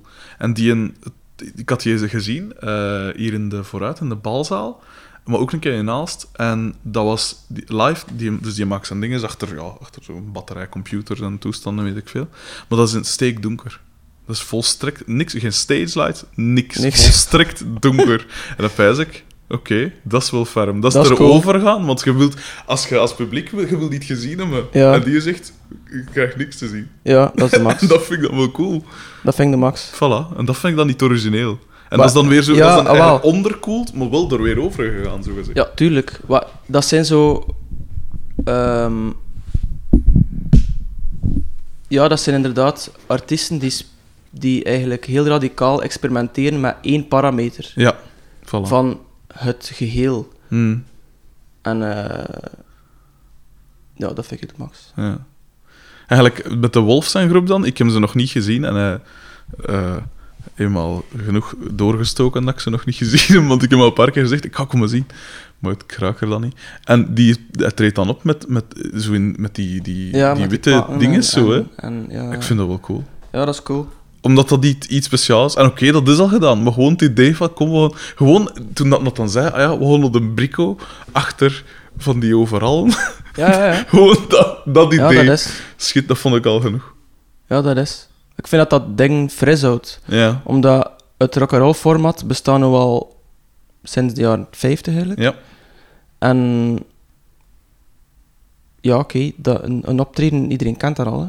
Voilà. Het, het optreden. Dus. Tuurlijk. En, en dan is het wel tof als je gewoon iets onverwachts doet. Hm. Dat eigenlijk een beetje zo is, dat je zo plots uit je comfortzone trekt als kijker. Zo van, hoe is het een optreden of wat? Mhm. Ah ja, het is een optreden, maar het licht is uit of wat? Ja, Ah tuurlijk. ja, voilà. En, en dan, dan, dan, Hm. ja. Ja, dat, is wel, ah ja, dat, dat vind ik altijd wel interessant. Of lek iets, iets ben, eh, ik heb dat vrijdag nog gebracht in Charla voor 10 jaar eh Gantology. Dat nummer, I've Seen That Face Before van Grace Jones. Mhm. Die clip is ook het voorbeeld dat ik altijd geef van dingen waar ik van, van ben. Dat je eigenlijk het medium waarbij dat je werkzaam bent, Mhm. eh, te kijk zet. Eigenlijk, de, de beginscène is zo, dat, eigenlijk heel die clip is een zoom-out vanaf haar neus. Mhm. Van, eh, in het begin, die intro, is ze nog, heeft ze nog zo van die neuzen aan, zo van die abstracte ehm, geometrische neuzen, dat ze dan afknippen. Mhm. Allee, zo, ze, ze knippen dat neus niet af, hè, maar eh, handjes komen zo en doen zo like, een soort Mhm. pop art, art deco-achtige, abstract Duitse, ik Mhm. weet niet, vormgeving. Ja. Ehm, geometrische vorm van haar kin en haar neus en haar kop en al doen af. Ja. Ook met sound effects. Bijvoorbeeld als, als dat geknipt wordt, heeft dat... Ja. Dat op zich al is van, kijk, we zijn hier een clip aan het maken en dat nummer is hier aan het spelen, maar hetgeen dat er gebeurt in de clip wordt ook gehoord. Ja. Dus dat is ook al iets van, eh. Ja. En uiteindelijk ehm ehm, zoomen ze zo- zodanig uit dat je eigenlijk ziet dat dat eigenlijk allemaal in scène gezet is. Dat dat, je ziet dat canvas waartegen dat ze staat. Ja, ja. Je ziet de belichting ervan. Je ziet, je ziet dus de... de allee, hoe noemt dat nu? De, de Statieven. statieven, ja, voilà. De statieven, je ziet, je ziet, je ziet de spots Ja. en... en ehm, en zelfs het, het, je hoort het applaus ook. Het vrij Mhm. formeel in, in, in scène gezet applaus. ja. En ja, dan hoor je de stad, waar, want het speelt zich af op, op, op een stad, in een stadstuin op een, op een top van een, een eh, gebouw. Ja, En dat vind ik vrij tof. ja. Ehm, artiesten die zodanig de guts hebben van het kader waarin binnen dat ze spelen te tonen van kijk, dit is Mhm. niet echt. En, Ja. en weet het maar. Ja, Dat- van, cool. van zulke dingen ben ik vrij van. Ja. Dat je vrij toont van dit is een verhaal, maar ga er maar in mee, want het is een verhaal. Ja. Ga, ga maar in mee, dat is niet echt. Mhm. Dat vind ik vrij tof. Dat hetzelfde in die Robert Wilson. Je ziet, ziet dat is totaal niet echt. Die gezichten, dat zijn geschilderde gezichten met zo van die cartooneske smiles en al. Mhm. Dat is like het circus. Tuurlijk is dat niet echt. Ja. Maar dat is juist het poortje van Alice in Wonderland om gewoon drop it. Mhm. Wat dat je ook denkt, ga gewoon mee op de reis. En, en, en Mhm. eh, wat was de aanleiding nu dat we dat... Ik weet het zelf niet meer. Eh, Ehm, maar wat ik ook wel wil weten is, eh, en ik, ik spring wat van nak op een Ja, doe waarschijnlijk, maar, eh, doe- maar het, eh, eh, heb je ooit ehm, voor dus de muziek dat je maakt, allee, doorheen de jaren is die uiteraard veranderd, maar eh, heb je ooit, of eh, weet jij voor jezelf wie dat mogelijke invloeden of inspiratiebronnen zijn? Of mensen naar wie dat je misschien je geluid gevormd hebt op een gegeven moment? Vooral in het begin doe je dat waarschijnlijk, hè, dat je, ah ik wil zo'n gitaarsound. Of zijn er zo voorbeelden? ehm, ja, Bowie. Mhm. dat is die nu altijd gaat blijven, basic. Mhm. Ehm, en eigenlijk veel muzikanten die met Bowie gewerkt hebben, want die had ook een, een, een neus Mhm. Voor zo nieuwe talenten uit de avant-garde, Mhm. vooral qua gitaristen. Ehm, die zo altijd, het is altijd hetzelfde, die doen iets met een gitaar die het instrument overstijgt. Ja. Gewoon. Dat zijn geen Rolling Stones gitaristen en zo, dat zijn gitaristen die zo bijvoorbeeld een duikboot nadoen met een. Ja, Adrian Belew was gespecialiseerd Ja, oh, in, het namaken van geluiden. ja, ja. Die zijn solo op, eh, van Talking Heads, dat eerste nummer ja, van, hallo. Van dingen. Zo, Ja, ja, gewoon nummer is dat? Ja, Born ehm, Under Punches. Burn Under Punches, dat is een van mijn favoriete nummers van Talking Heads. Toen van mij, Mijn favoriete zelfs- plaat, ook van Talking Ja. Heads, met Adrian Blue. Shit. Ik dacht op een gegeven moment, ik ga die ik kan Talking Heads, ik hoor dat nu zoveel passeren. Ik kon een keer die plaat, of een keer opgezocht, wat is een goede plaat van Talking Heads? Ik zet dat op en dat is dat eerste nummer. En ik heb gewoon die een dag, want ik vind dat het beste nummer van die plaat ook, maar ik heb gewoon dat nummer gewoon gans, letterlijk, letterlijk, hè, een ganse dag dag, aan één stuk. kan. En altijd weer die een woe, woe, woe, woe, woe, al is Ja. dat computergeluid. Ja. zo. En dan zie je, ja, 1980, wat het Ja. was met moeite een computer toen. Ja, nee, was echt... Wat een gek. Maar dat is vooral de mindset waarmee dat je iets doet, Ja. is gedreven vanuit iets eh, dat niet is van, ik ben een gitarist met een Les Paul. Ja, ja, nee, ja. Dat is van gedreven vanuit een soort, like als je naar Tom en Jerry kijkt, Mhm. weet wel, je fantasie, de vrije loop laten en kijken welke sfeer dat er past. En als dat, als dat een, een trompetgeluid is met je gitaar, ja, dan is dat zo. Ja? En dat vind ik vreemd, want dan is het echt een louter een instrument, een middel Voilà, ja. om iets te doen. En dat vind ik, dat is een niveau hoger, vind ik dan. Ik heb hetzelfde met de drummer van Tool en de gitarist van Rage Against the Machine. Mm. Die is natuurlijk ook vrij Ja, bekend ja voilà, Tom Morello, dat is ook, zijn- Met dat is ook de Tournavies max. en wat is het allemaal. Ja, ja. Want die zien, oké, een drum en wat kun je doen? Oké, dan ga ik dat absoluut niet doen. Ja. Dus geen standaard allee, hi-hat voor de dingen te, aan te geven en dan boom, ta, Ja. boom, ta. Dat is gewoon volledig anders en dan, dan wordt het interessant, vind ik. Dat wordt interessant. Maar vooral ook de wisselwerking tussen een, een afgebakende structuur van, Van een bijvoorbeeld een popsong. popnummer, Ja. bijvoorbeeld, en de uitdaging om dat Ja, zeker. altijd opnieuw uit te vinden, of zo altijd zo, eh, zo een beetje op de rand te zitten, zo van, Ja, van eh, raar en toch zeer herkenbaar. Dat, dat is altijd Ja. mijn uitdaging in feite. Ik heb gisterenavond nog gezien naar de documentaire eh, Baby King? I am trying... nee, goede gitarist trouwens. kon, kon wel redelijk. Eh, nee, eh, van dingen van Wilco. Ja, ja, Yankee Fox to- Hotel Hoxtrot. Ho- Ja, over die plaat.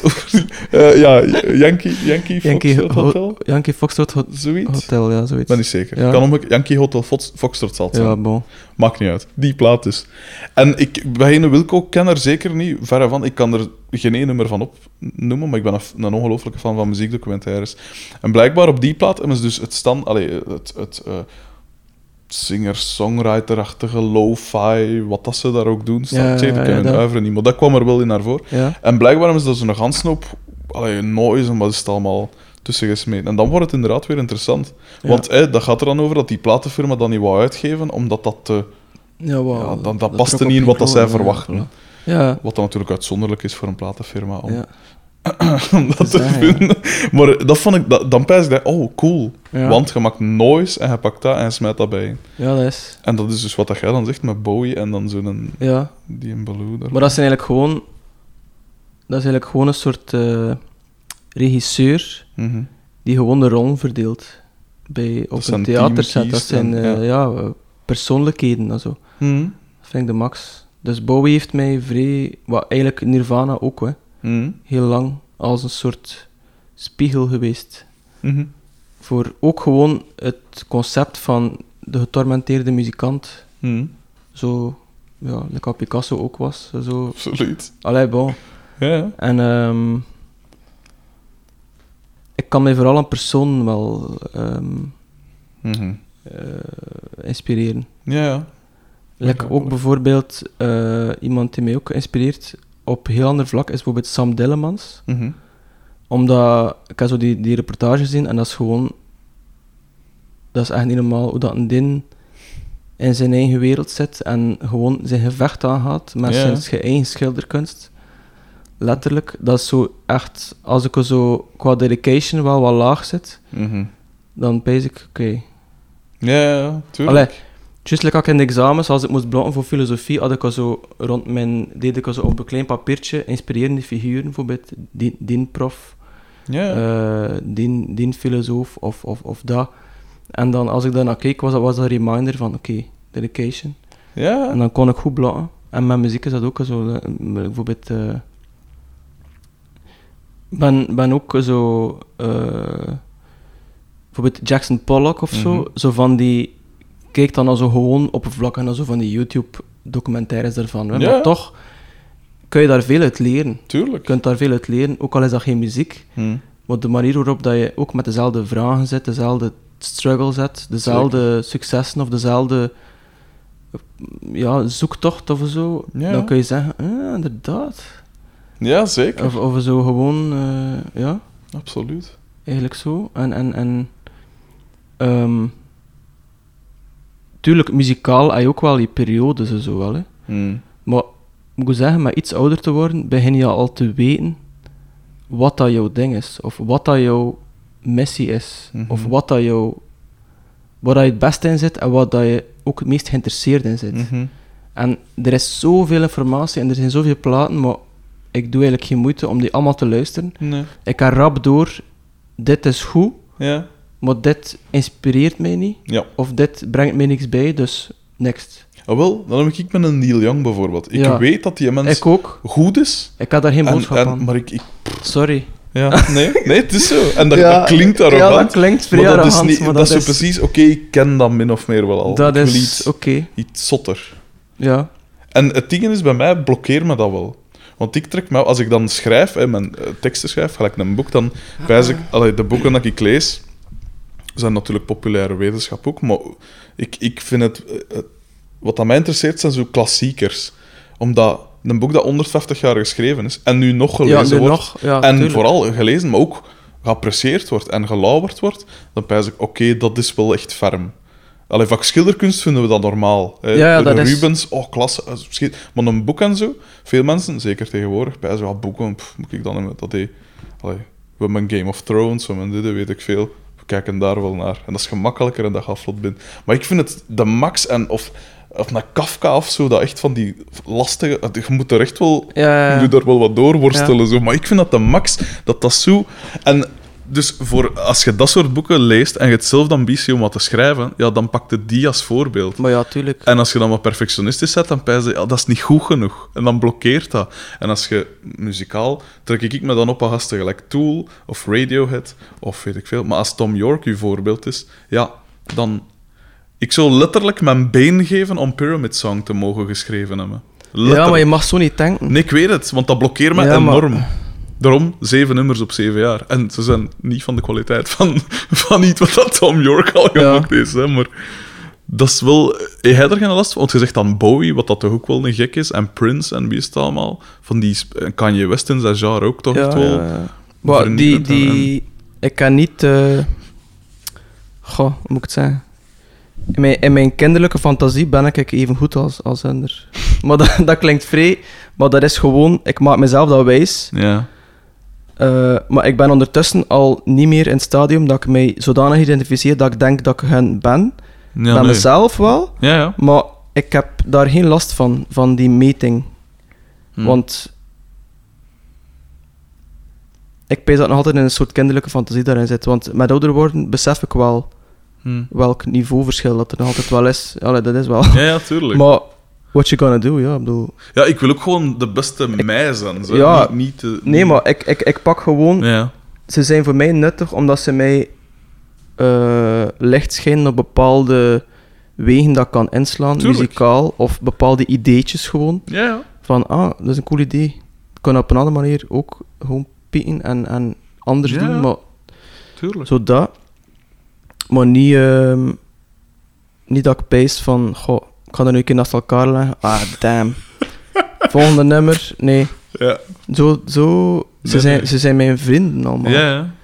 Het is zo... ehm Hm. ja, het zijn like teddyberen of zo, dat je zo gewoon... eh, Ja. eh, hoe mee in slaap valt. Mhm. Eh, En wie zijn dan nog van die, van die voorbeelden of inspiratiebronnen? Ehm, het like recent Conan Moccasin, bijvoorbeeld, vind ik wel vrij goed. Ken ik niet. Dat is een die zowel licht psychedelische pop maakt, Mhm. maar dat, dat is vrij oneer, oneerbiedig. Het is gewoon Conan Moccasin, dat is een soort... Ja. Dat is ook een die zo graag van verkleedfeestjes eh houdt. En, en, Mhm. maar zijn laatste album vond ik wel niet zo goed, maar zijn eerste album was geniaal. Zijn, zijn debuut. Ehm ehm, ja, eh, Anna Calvi vind Mhm. ik ook vrij goed. Die naam ken ik. Ja, zo een paar artiesten dat ik beschouw als... eh, dat is muzikaal cabaret. Ja. En dat is Rufus Wainwright, Mhm. Anthony and the Johnsons. Mhm. En bijvoorbeeld ook eh, Anna Calvi, dat is zo een, een Britse, in die op gitaar vrij straf is, flamenco-achtige dingen doet op gitaar, elektrische gitaar. Ja. Vrij schoon zingt, vrij schoon madame. Eh, maar ze heeft zo niet de fuck you mentaliteit. Ze, ze is zo een beetje bedeesd en een beetje netjes. Mhm. Dat is het enige dat ik zo minder vind. En, ehm, maar ehm, echte, echte helden en zo. ehm, ja, Iggy Pop bijvoorbeeld ook wel. Maar dat was meer een performer dan een inventor of zo, weet je wel. Ja, ja. Ehm, ja, ik ben, ben vrij selectief. Hè. En zo Ja. de, de- echt weer dat er zo binnen 80 jaar voor mij nog. Allee, binnen 80 jaar ik al niet meer bestaan. Maar, Ehm, ja, wie, wie dat ik ook vrij straf vind is Nick Cave wel. Mhm. Omdat nee, ook al zo dat. Dat is een soort andere, maar die heeft ook een vrij filmische manier om, om vrij, Ja. een vrij eh, literaire manier van schrijven. Fictieve Mhm. verhalen vertellen, shamanen zo het wel. Mhm. het dan toch moet uitdrukken. En die beheerst vrij goed ook die, die grens tussen schmaltz en Ja. eh, gevaar en, en opwinding van... ja, zeker. Like, die heeft ook altijd gitaristen ook. Dat is niet toevallig, die vrij filmisch spelen. Blixa Bargeld, Ja. die gaan die, die gaan niet Satisfaction spelen op het podium. Die, die, die, die speelt ja, like noise en zo wat filmische effecten eigenlijk. Like Ja. in een film zo is, met veel dynamiek. En die gitarist, die zot nu ook weer, Mhm. met zijn gitaar die altijd feedbackt, eh, met zijn viool die altijd feedbackt. Just, ja, ja. dat, is, ook- dat, is like, dat is gewoon een soort personage sound. En dat is max. Mm. Ja. En Nick Cave ook, die, die vertaalt echt, zo het wel. Die, die zingt geen liedjes, dat is gewoon... Zie- je ziet zo wel de intriges, eh, de Shakespeareaanse in, eh, intriges op podium met verschillende acteurs en al. Dat is perfect ver- verfilmbaar, alles. Mhm. En ehm, ook zo zijn, zijn flirt met, met kitsch, zo gelijk ehm, zo de, de romantische ideeën van liefde en allemaal, dat kan hij ook zo echt overdreven over doen. Dat is zo... dat is ook de max. Mhm. En, en bijvoorbeeld, ik heb 20.000 Days on Earth gezien. Mhm. En dan vertelt hij ook, is, hij is hij ook de, in, de monoloog interieur ervan. En dat is zo'n meester. Ehm die kan mij echt... Dat is bijvoorbeeld een van de school die niet eruit ziet like Bowie. En ook niet like Neil Young, maar het is er iets tussen en zo. Mhm. Even zo'n soort credibility van hij is echt zo, maar toch speelt hij wel. Hij speelt ja. wel, hè. Maar, Mhm. maar dan kan het mij echt... eh, ik laat me dan ook graag gaan en zo. Dat ik... eh, dat ik dat cultiveer en zo, dat, dat erin opgaan. En dan kan ik echt blijten en content zijn dat ik goed kan blijten. En zo bij Nick Cave. Mhm. Bij, op Werchter was dat, als we daar moesten spelen, of was op Pukkelpop, ik weet het niet. Laatste keer. En ik was zo wat uitgeput van ons optreden. Ik stond er zo in de in late namiddag met zo, zo wat een pre-kater en zo, dat. En eh oh, dat was echt zo goed. En eh ik heb zo vier nummers zitten janken, like een kind. Echt. En zalig. Allee, ik voelde me zo, ik kan dat ook zelf zo wat sturen. Ja, ja. Want ik, heb ook aan de, ik heb- ben ooit eh begin blijten bij mijn restaurant, maar dat was, dat was iets anders. Maar ik, ik hou daarvan, van, van te huilen, van zo waarom, dat ben je cultiveren. gebleven, waarom ben je gebleven met mijn restaurant? Omdat ze eruit lagen. Omdat er, er was één team, wij volgden dat zo ooit. Ja? Ik had zo de derde reeks gevolgd of zo. En ehm, En er zo in opgaan. toen Of kon ik daar zo... Maar ik kan dat een beetje sturen. Ja, ja. Also, ik kan dat een beetje... Ik voel zo de... Hm. Het, een emotie gaan en ik spring daarop dan. En, Ja, ik, en ik laat alles los en die emotie komt het dan uit in de vorm van een, van een traan. Ja, ja. En dat is de max. Dat is zo'n ontlading. Dat is lekker een keer goed lachen of een keer eh, Mhm. goed seks aan of zo. Maar dat is, dat is hetzelfde. Dat is, en dat was, maar dat was wel de meest marginale context. Ja, waar mijn lief wel vrij mee uitgelachen heeft. En Ja. dat ik zo kon blijten. Mhm. Eh, en, maar dat is zalig. En bij Nick Cave is dat vrij gemakkelijk. Mhm. Ik heb dat ook bij Nick Drake bijvoorbeeld. Ja. Als ik zo sommige nummers echt op kan intunen, Ja. dan verlies ik mezelf. En dan is dat...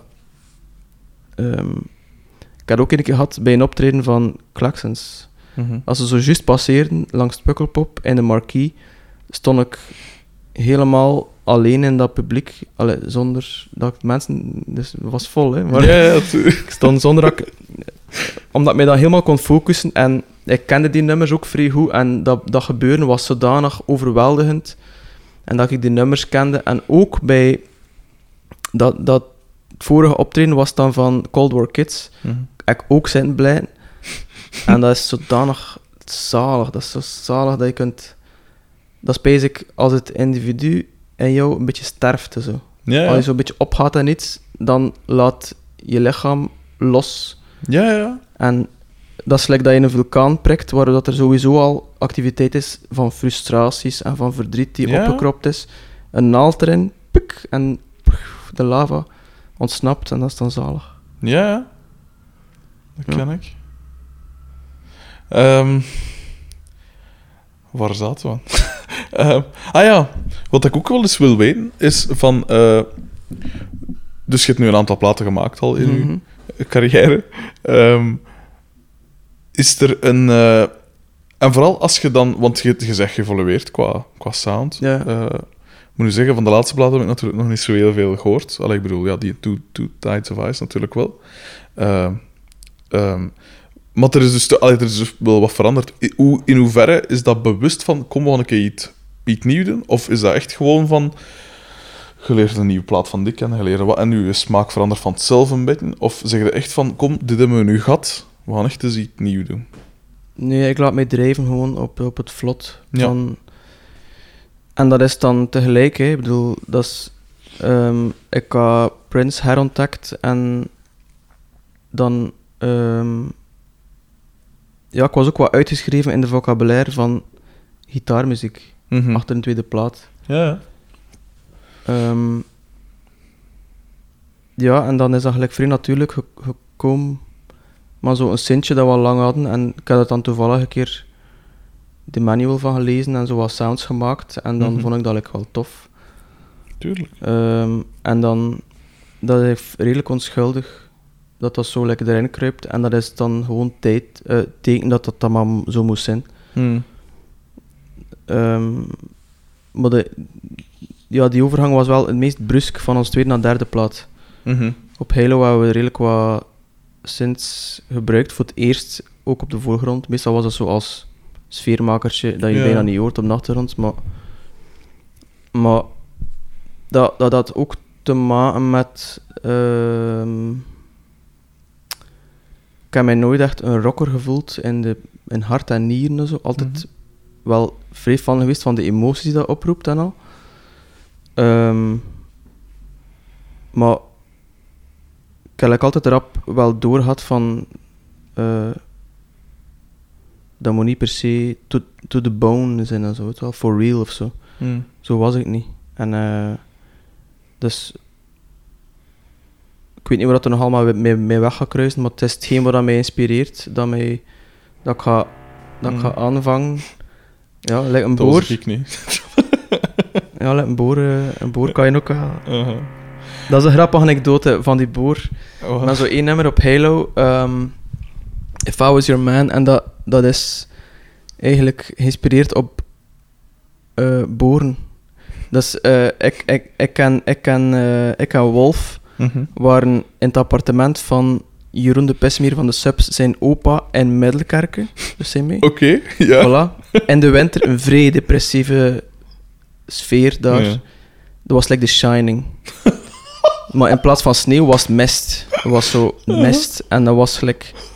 Wij, wij zaten daar... Ja, elk uur smoorden wij een stukje om zo wat... Ja, omdat dat kon, gewoon, eigenlijk. En eh, wij overleefden op een zo... Spaghetti van mijn ouders dat ze dan gebracht. Zo, ja, echt zo terug naar... Zo eigenlijk em, drie dagen ineens destabiliseren en zo wat, zoveel mogelijk schrijven. En, en, en ehm, wij liepen dan eventjes als pauze, gingen we keer- toch een keer naar buiten. En dan hadden wij het gevoel, gelijk in de Truman Show, dat zo die drie, de drie, de drie mensen, ja, die drie mensen die dan wel op de dijk liepen, die, die, die er like, geplaatst waren om ons het gevoel te geven van, maar ja, het is toch wel echt hoor hier. Ja, ja, ja. De, de, de wereld bestaat nog of zo, dat was echt vrij raar. Mhm. En in de winter, eh, ja, het waren daar dan werken aan het appartement erboven. Mhm. En die gasten waren heel aan het boeren. Maar dat is niet zo irritant als nee. muzikant. Eh, Dus ik zat in die slaapkamer, al mijn gerief op, die, op, die, mijn gitaar op, die, op dat bed, mijn, mijn, mijn mixtafel en zo wat, een beetje eh, een garageband, zo wat, Mhm. zo vrij minimaal. En ehm, ik ben dan zo een nummer aan het toppen en de zang ervan en ik, en ik luister er naartoe en, en die boeren zitten daar heel te in. Eh, oh. En dat, dat trok vrij op dat nummer van de Normal eh, Warm Leatherette. Ken je dat? Nee. Ehm, dat is eigenlijk dat is gelijk gemaakt met twee. eh, dat trekt gelijk of dat je twee scheerapparaten die in een andere key staan, zou heel het afwisselen. Ah ja. Eh, brrr, eh. Oké. En dan zo ben ik gekomen op dat idee van If I Was Your Man, dat zijn gewoon twee akkoorden met zo'n fuzz bas dan. Mhm. die gewoon die twee noten heel tijd spelen en dan is dat ook zo'n soort industrial drummetje daarop die niet meer verandert van heel het nummer en dan Mhm. ehm, eh, dat was de anekdote eigenlijk. hè. ik ben niet zo goed in verhalen vertellen eigenlijk. maar Sterke liever- climax. Ja, sterke climax. Mijn- climaxen zijn nooit goed. Hè. Eh, Ja, dan wou ik u dat ze niet nog vragen. Ja, ooit al bezig. Ja. boeken van... Nee, dus... Ooit al de boeken van Philip K. Dick gelezen? Nee. Of films gezien, gebaseerd op boeken Nee. van Philip K. Dick? Omdat je daar zei van... ehm, zo dat science fiction in de zin van... Niet zo dat, eh, dat Star Wars-achtige, niet zo de kostuumekjes Ja, of zo. de, de, de, echte- lifestyle die erbij hoort. Ja, ja. Maar zo het in de realiteit zoiets raar. Allee, zo de, Ja. de realiteit vervormen eigenlijk. Hè. Die heeft er coole dingen mee, ge- mee gedaan. En die heeft ook beka- er zijn bekende films van gemaakt. Hè. Eh, ik denk dat Minority, Minority Report daarop gebaseerd is, op iets van hem. En nog zo'n klassieker. Ik denk misschien Blade Runner of zoiets. Eh, Blade Runner wordt mij ook vaak, ik heb hem altijd niet gezien, maar aangeraden als, ah, dat, dan is dat wel echt iets voor hij.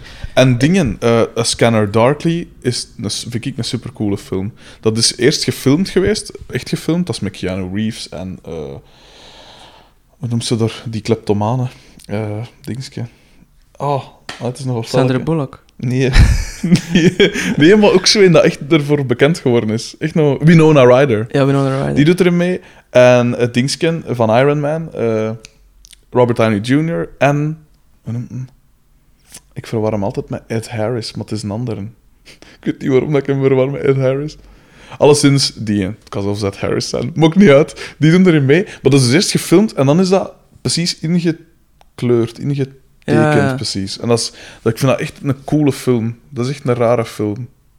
Weet je wat, ik- ik ga gaan pissen en ik pak dan mijn gsm om al dat ding op te schrijven. Maar dat is zo typisch, ja, ja, maar ik ga dat bekijken. hè. En dan, Ja, en dat weet je, goed. weet je dan. Doe gerust. Het is zeker niet de eerste keer dat er iemand gaat pissen tijdens een ding. Zo.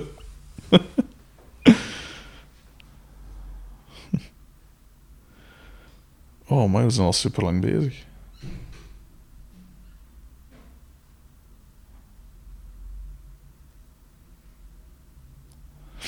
Mm-hmm.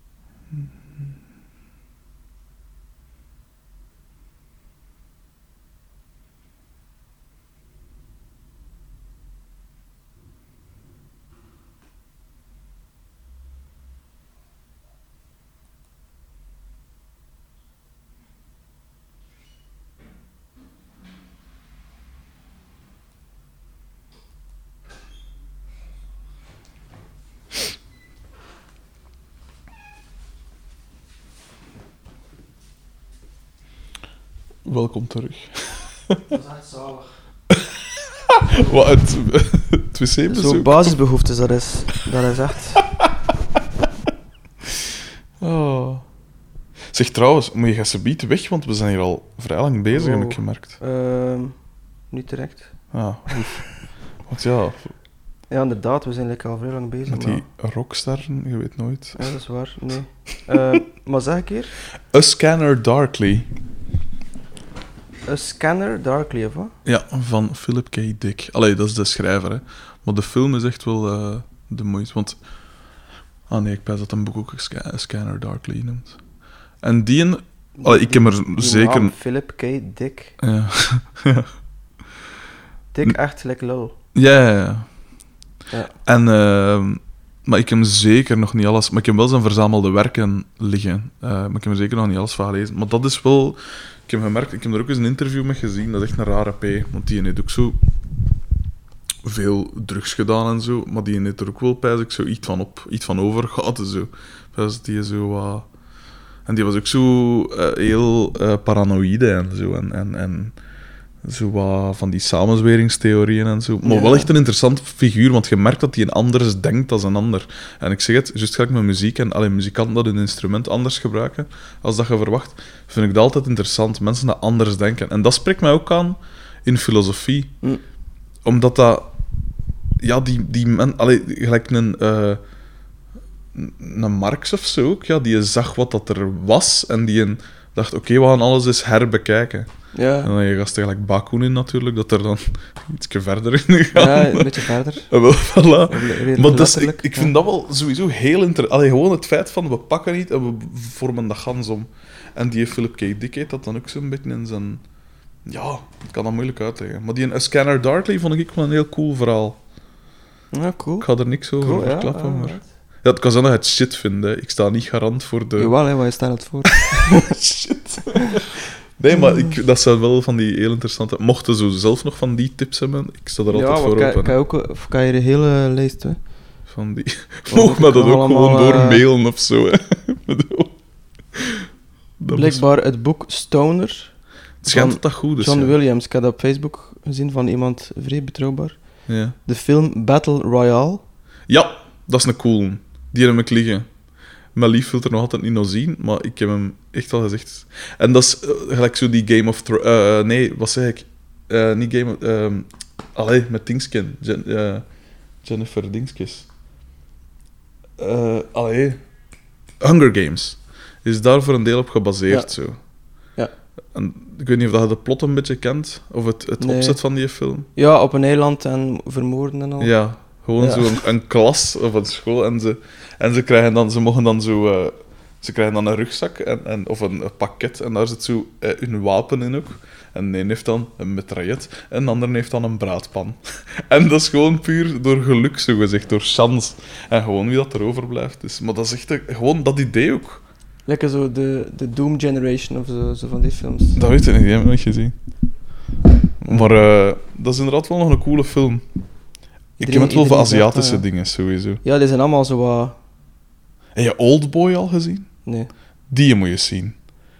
Ik weet nu Ah, niet, het is, een, het is een wraakfilm, maar hij is super... Het gaat veel verder dan gewoon een actiefilm. Dat is een Koreaanse film, Old boy. Oldboy. Hij heeft ooit de Gouden Palm gewonnen in, in Cannes. En het is een van Tarantino's favoriete films ook, pijs ik. Maar gewoon een heel sterk, zot verhaal. En prachtig in beeld gezet, gelijk veel Aziatische dingen. Echt een Ja. coole film, vind ik, hè. Nogmaals, ik zeg niet dat een u per se gaat bevallen. Ja, maar het is, het is interessant. Maar het is misschien wel een van mijn, misschien wel mijn favoriete film. Binnen zo'n mainstream dingen nog. Hè. Ja, ja. Ja, maar ik heb ook zo hier bij mijn notities op mijn dingen ook zo'n ganse lijst van dingen. Dat moet je nog checken of dat moet je kopen. Of... En dan, dan... Die lijst wordt gewoon altijd langer, hè. dus er is... Ik heb thuis nu op dit moment letterlijk minstens 160 boeken liggen dat ik nog moet lezen. dus ik ben zo in. dat is echt Ja, overal. Ik heb dan zo eh, naast de zetel, up, zo'n stapel boeken. Naast mijn bed, zo'n stapel ja, boeken. van, en dat... ah. Dan moet ik nog lezen. En... Maar... En, en wat is jouw strategie dan? Begin je dan aan een boek? Er is geen strategie. nee, ik, ik, ja- ik lees nooit, die te- eh, nooit twee dingen tegelijk. Dus ik worstel me doorheen iets eh, tot dat een... Allee, Je onlangs dat je bent trouw aan je boek. Ja. En ik stop ook niet. Als ik een boek lees en ik pijs, pff, het is niks. Ik doe hem nooit. Gelijk onlangs was ik, had ik, respect. had ik hè. een boek over Bon Iver. Want ik wou weten hoe dat, dat verhaal erin zat van in die Ja, hut daar. die hut daar, ja. Dat wou ik wel weten. Maar zo die eerste honderd bladzijden... Dat was ook zo'n boek bijeengeschreven op basis van veel artikels en zo. Ja. Niet zozeer met hem klappen, maar zo artikels. En, en, en, en er is op zich niks mis mee, maar in het begin... En hij beschrijft ook zo van zo zijn dingen die niet bekend zijn van voordat een Bon Iver maakte. Ja, hij beschrijft zo al die platen en al die nummers. En, maar als je die nummers niet kent, ja, dan zit er daar een beschrijving van een nummer te, te zien Ja, dat is wel. dat is niet zo tof. Maar dan een keer dat het zo dus op dat punt komt, dat je, dat je het verhaal zo wat kent, dan, dat- wat dat toch helft van een boek was, dan, heb ik het dan was het wel nog draaglijk. Maar ik, ik lees dus altijd wel door. Ik heb dat vrij lang ook gehad. Ja. Maar ik heb recent wel beslist van... Het leven is te kort. Ja, het leven is te kort, ja, voilà. Tuurlijk. En respect voor iets is inderdaad groot. Ik kijk ook meestal een optreden uit, uit respect. Ja. Maar als ik door heb bij boeken van... Bon, dit een boek moet mij energie geven. Mentaal brainfood, weet je wel. Mhm. Ehm, en ik worstel mij hierdoor voor wie. dus, want is ik, ik, ik lees meestal wel drie boeken tegelijk, maar Ah ja. wel omdat ik soms één laat liggen van oké, okay, even genoeg van, maar dan ga ik weer verder of zo. Ja. Maar meestal als het liefde op het eerste gezicht is, like nu hier gisteren ben ik begonnen in Alain de Botton, Essays in Love. Mhm. Ah, zalig, dat is echt... Voor mij, dat is... Ik noteer. Dat is echt... Ja, maar ik kan meer liggen, ik kan zelfs... Maar ik, kan, ik ga zo eens een keer een zin lezen, kan. Ja. En, en, en, en een ding, ja. Dat beschrijft dus zo eigenlijk... Dat klinkt vrij saai, maar de, de verschillende stadia... Het is literair-filosofisch. Ja. Maar hij is literair vrij goed eigenlijk gewoon. Hij is vrij grappig en hij is vrij herkenbaar. Ja. Ehm, bijvoorbeeld, hij berekent hier de kansen dat hij, hij leert iemand kennen op een vliegtuig. Ja. Dat, dat hij dan later een relatie mee begint dan al. En eh, hij berekent de kans, hoeveel het kans was dat hij haar ging ontmoeten. Eh, vanuit, omdat ze alle twee vanuit Parijs vertrokken of zo, van die, van, van die dingen. En Mm. Mm, Echt zalig. Maar het is, het is vooral vrij herkend. Je weet zo vrij goed te pinpointen in literaire... Mm. Dat is eigenlijk... Dat, dat noemt een schrijver dan, ja, waarschijnlijk. in literaire termen, waar dat je zo... Waar, dat- waar dat zo de, de typische dingen zijn en zo. Mm. eh, en... en, en ah, ja, het was hier echt een zin. ja, I don't give a shit. Ik ga het gewoon opzoeken. Hè. Doe gerust. We hebben een tijd. Ja, echt danig. Ja.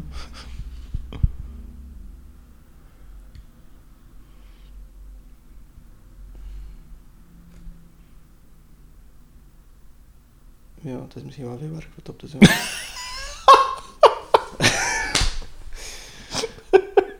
Maar ik begrijp wel wat je bedoelt. Een bepaalde zin kan echt zo...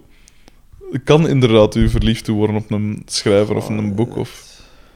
Ik heb onlangs... En ik heb het ook al op, die, op deze podcast ook al voorgelezen. Zeg maar, een passage van Bomans of zo. Of, of, Ja, die zo echt is Oh, van, oh jongen, die- perfect. ja, dat je echt weet, elk woord is perfect gekozen. Of een Nico Dijkshoorn. Oh, dat is dan natuurlijk wat recenter, maar... Dat ik me echt kan bepissen van puur gewoon de bewoordingen. Dan. Ja, puur de bewoording. Ja. En dat zo is van, perfect. Ik weet niet waarom dat klopt, maar het klopt. Ja, ja. ja. Tuurlijk. Ja. Ja, ik blijf al zo. Nee, dat is- Mag ik tussendoor ook nog eens iets vragen over Ja. uw... eh, dus we waren bezig over die verschillende platen, hè. ja. Zijn er... eh, hoe moet ik het zeggen? Eh,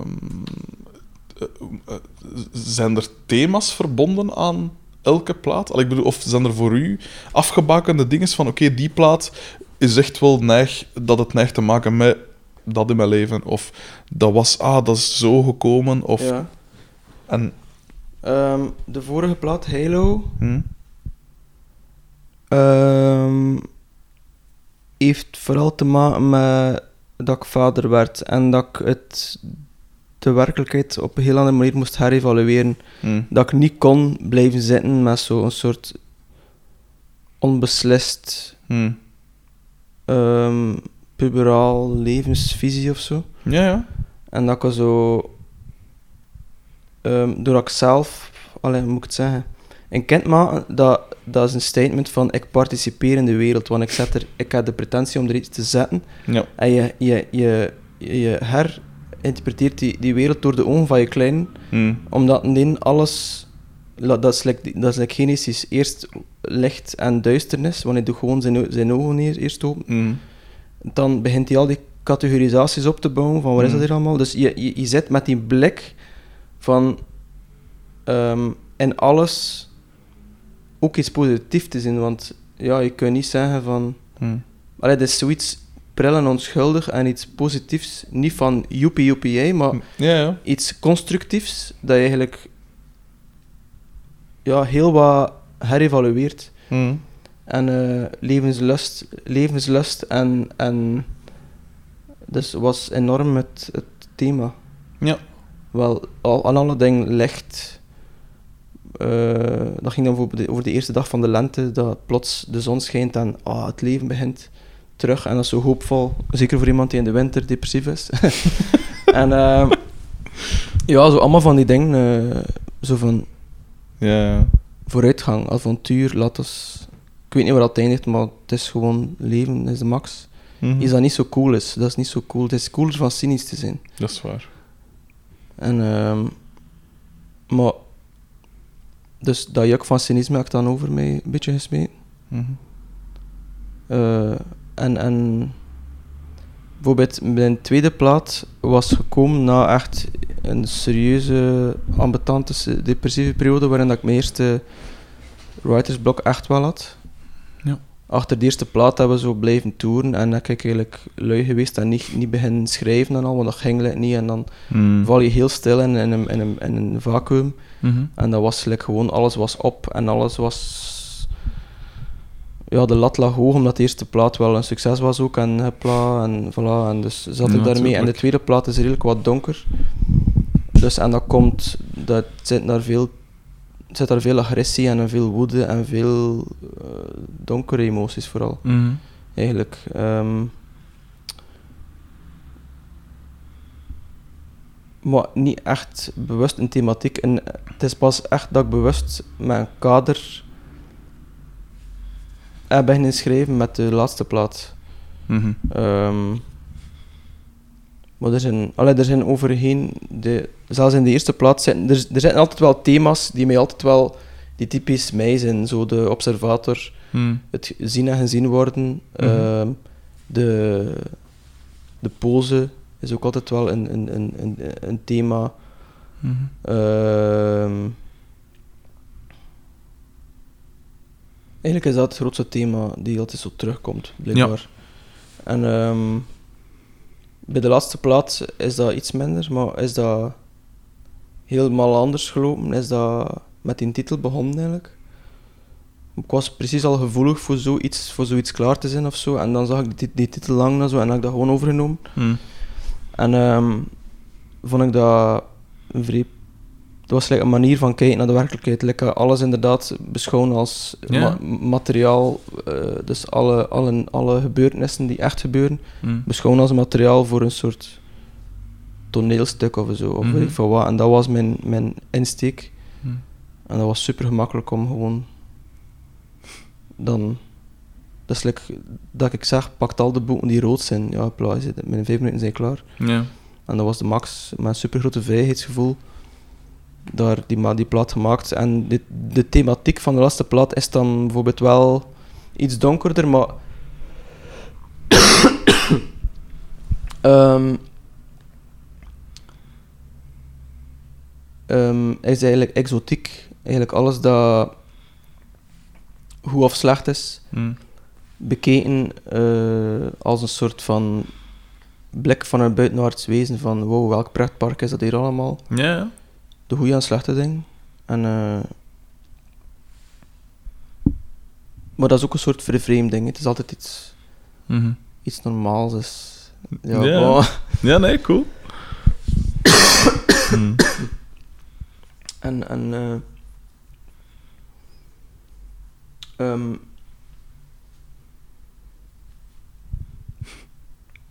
ja, ik voor de volgende misschien ook wel, dat gaat wel op, op mijn weg dat tegenkomen voor iets Mm. te- thema's. Ja. Ik ben zo aan het pijzen welke thema's nog, ja, ik weet niet.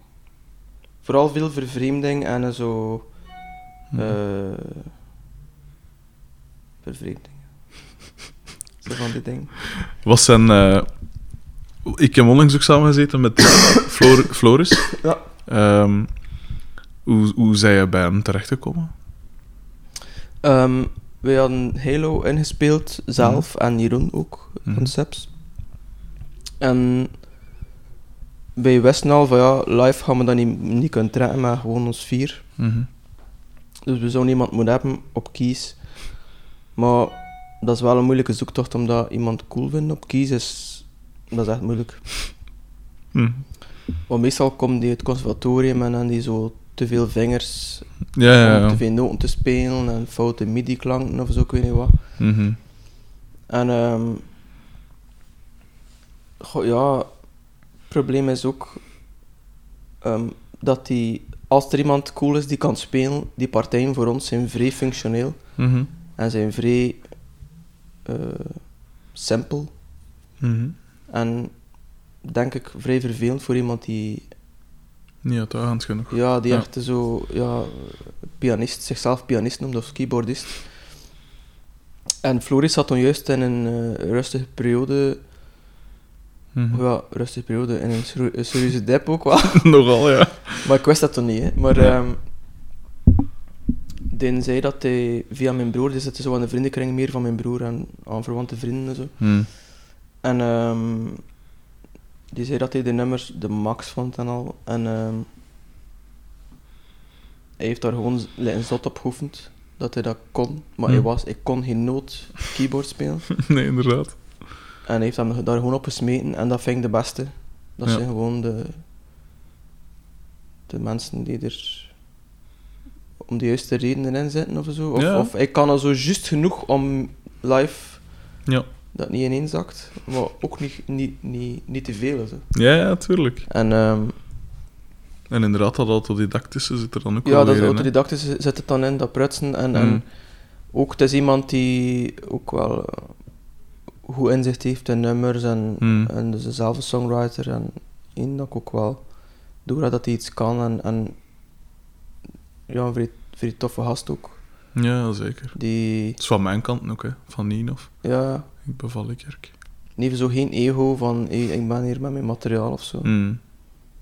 Ja, vrij tof. Eigenlijk is die te lief, een beetje, Ja. voor de wereld. Wat is de... Wat is de... Ja, inderdaad, ja.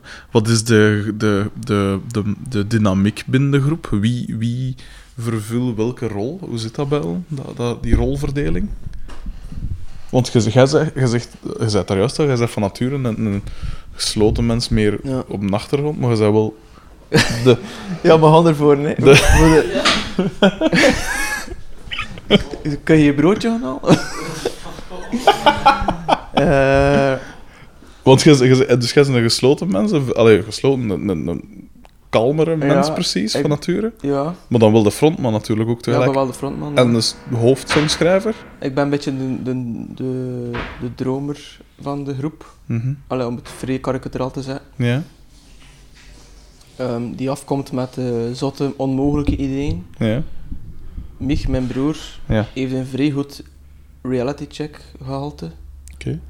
En die weet perfect wat dat er kan en wat niet in de werkelijkheid dan. Mhm. Allee, Zo'n beetje. en ehm ja, Mich is, is er ook om, om de chaos een beetje in band te houden. En zo. Hij organiseert, is goed in het organiseren en het afbaten van dingen. Mm. Ehm, terwijl ik tot het laatste moment zo over alles twijfelde of zo, zegt hij van, ah, bon, wat gaat zijn? Of zo. Of, of, allee. En ik leer ook van hem daarin en hij leert van mij. En, en dat is ook wel boel soms, Mhm. maar nu is dat nu weten we wel dat op een positieve manier te gebruiken van elkaar. Tuurlijk. Ja. En ehm, eh, Wolf is ehm, eigenlijk ja, een iets stillere kracht in de groep, maar Mhm. en vooral in emotionele kracht. Als hij mee is met een nummer, dat wil zeggen dat het wel emotioneel aankomt. Ja. Hij is een vrij gevoelsmens. Ja. En hij, Wolf is een beetje de Adrian Belew van de Vanjet. ook, dat is, eh, Mhm. ja, dan is vrij goed in sounds en speelt ook geen noten veel en zo. En, en Mm. ja, dat is ook een beetje de Sid Vicious van de band. Van de band. Mhm. Eh, dat is ook, die ziet er cool uit, die is, die is echt cool. Ja, super fijne P, vond ik. Ja, super coole gast. Een vrij warm hart. Maar hij is nu al veel verkalmd. Vroeger had, had hij vrij veel ja, agressie in hem en zo en al. En, en, en, ehm, maar het is echt eh straffe gast. Ja. En Frey is zo een beetje de... Die heeft goed inzicht. Iets commerciëler, Mhm. maar vooral die is vrij gevoelig voor de totaal act ook. Ja. Iets meer de commerciële variant van ik. Mhm. Ik, ik de- denk ook alles uit op het totaal aspect. Mhm. En Frey kan vrij goed... Frey is eigenlijk de muziek-encyclopedicus. Een beetje wel van de band. Want die, die kan bijvoorbeeld wel heel veel cd's en is wel mee Mhm. over alles. Allee, dat, dat is nu niet waar, maar wel over veel. Ja. Ja, bon. Ja, ja. En eh, hij is ook zo de zelfstandige van de groep. Zo van, het moet vooruit gaan en moet, Ja. eh, moet, iets, moet iets opleveren of anders niet. ja, En dat is wel goed. Hij, Ja. hij, hij, hij duwt zo aan de wagen. Zo. een goede mix, precies. Ja, dus, ja, maar iedereen heeft zijn plaats gevonden doordat je jaren met Ja. dezelfde mensen zit. Verzoek je ergens een plekje en ja, Mhm. is dat allemaal eh, goed op zijn poten terecht te komen. En nu zijn we echt wel, dat is echt wel de max om op tour te zijn, zo met, met heel die klik. Hm. Zijn jij echt bezig met zo eh, materiaal? Al, Ik bedoel, ik moet die, allee, die gitaarsound of die gitaren, of dat moet die pedaal zijn, of dat moet die dinges. Ben je echt mee bezig? Pff, echt niet. Echt niet, echt Ik niet dacht echt. al zoiets Nee, van u. dat, is te... Ja. Ehm, dat is te... te beperkend of zo. Of, of ik weet niet, dat is te... Ik ben daar te lui voor ook al. Mm. En, en ik ben daar niet professioneel genoeg voor om dat dan te doen of zo. En, en, Mm. Maar ik kan wel af en toe mijn... mijn Goh, ik heb wel een goed pedaal setje, hè, maar Mhm. Want als ik jullie muziek hoor, dan ja. dat is, ik, als, als je doorheen natuurlijk de akkoorden en zo gaat en puur naar de sound luistert, dan vind ik wel dat het altijd heel mooi zit builen. Eh zowel de meer allee, gitaargedreven als zo de nu de iets meer synthy dingen. Allee. Ja, maar dat is iets dat ik meer intuïtief doe. Ah, ja. Gewoon basic. Ja. Of de mixer doet dat goed. Ik weet het niet. nee, ja, ik pees, ik pees dat doe veel op het, gewoon op puur op het gehoor. Hè. Ik bedoel, Mhm. ik ga niet zo... Ik, ik, kan, ik ben geen gearfreak. Ik kan niet zo op een feestje staan en met een gitarist praten een uur over Mick Ronson zijn reissue van 66 die nu terug uitbracht Oh, nee. in 98. Dat, dat, wow, dat, Daar mag ik ook niet om denken. daar loop ik van weg. Nee. Pra- praat dan nog liever met de moeder over haar kinderen dan over dat. eh.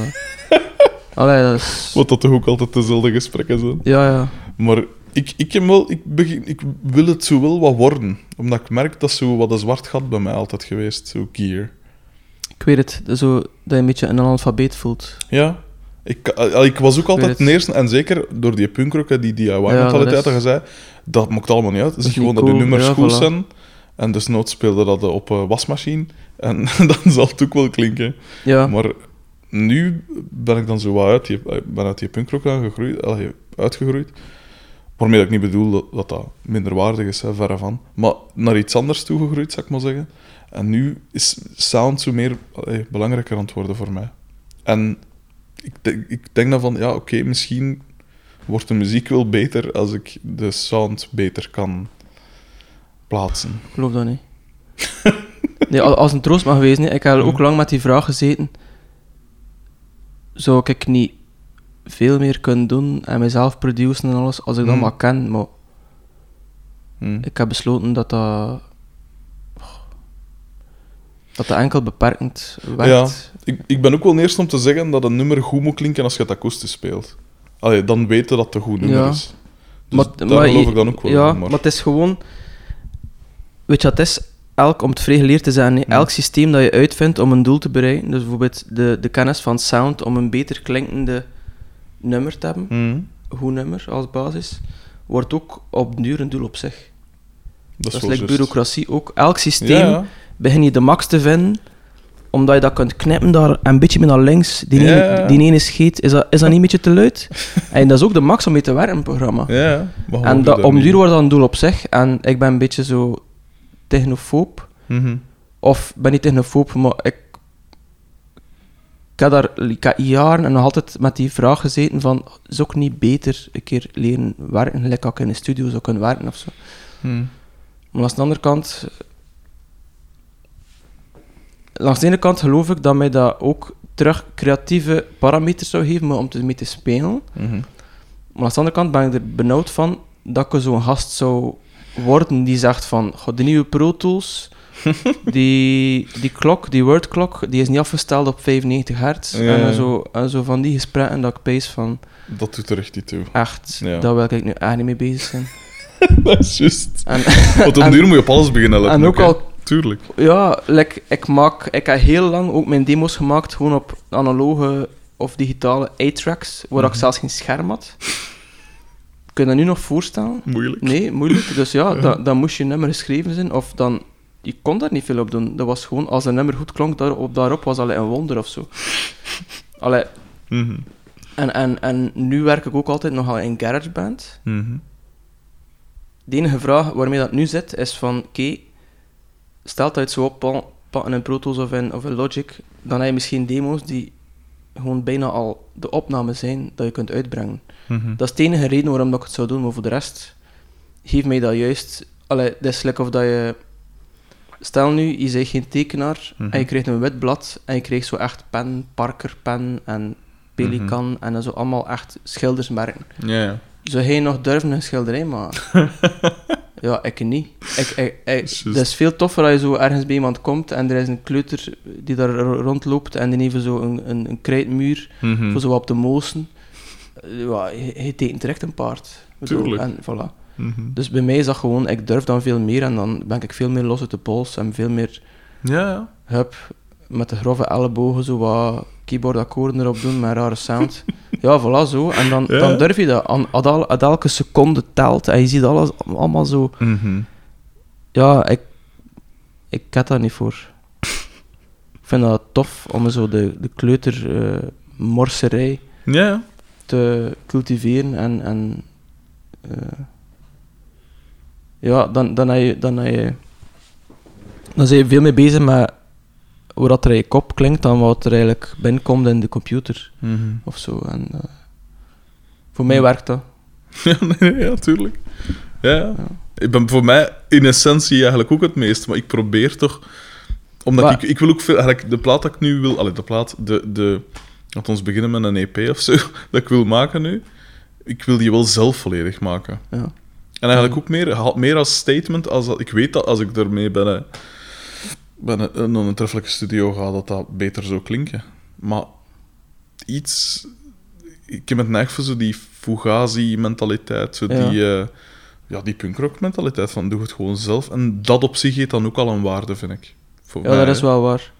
Maar misschien moet je dan gewoon de basics leren en niet Hmm. niks te ingewikkeld. Want Ja, ik, ik wel, heb ooit ook leren met... Ik bedoel, ik kan... Tuurlijk kan ik werken in Pro Tools, Hmm. maar ik kan niet veel, maar ik kan juist genoeg Ja, ja. om iets op te pakken en, en bon ja, Hmm. ik ken al die shortcuts niet van editing en al en dit en dat, maar Ja. dat is niet nodig. En, en Hmm. ja,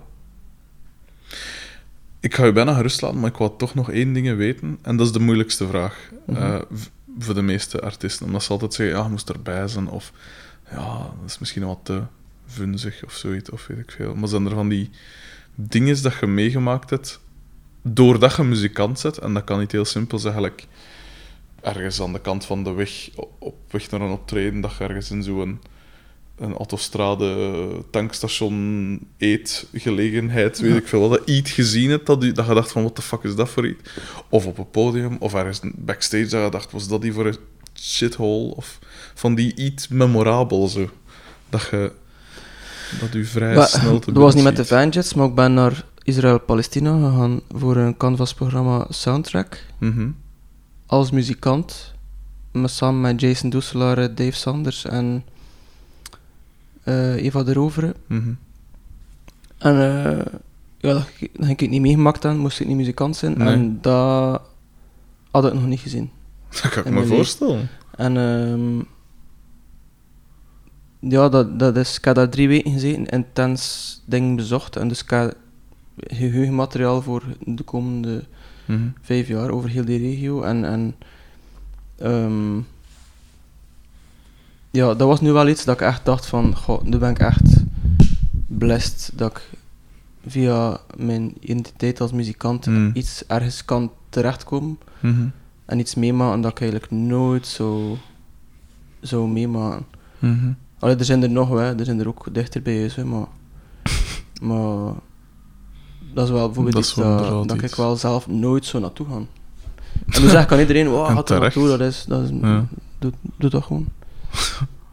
omdat, omdat dat zo, eh, ja, dat is iets dat, dat is eh, vrij aangrijpend en eh, vrij schoon ook, vrij schoon land en ehm vrij rare situatie zo, ja, Nogal. en, en ja.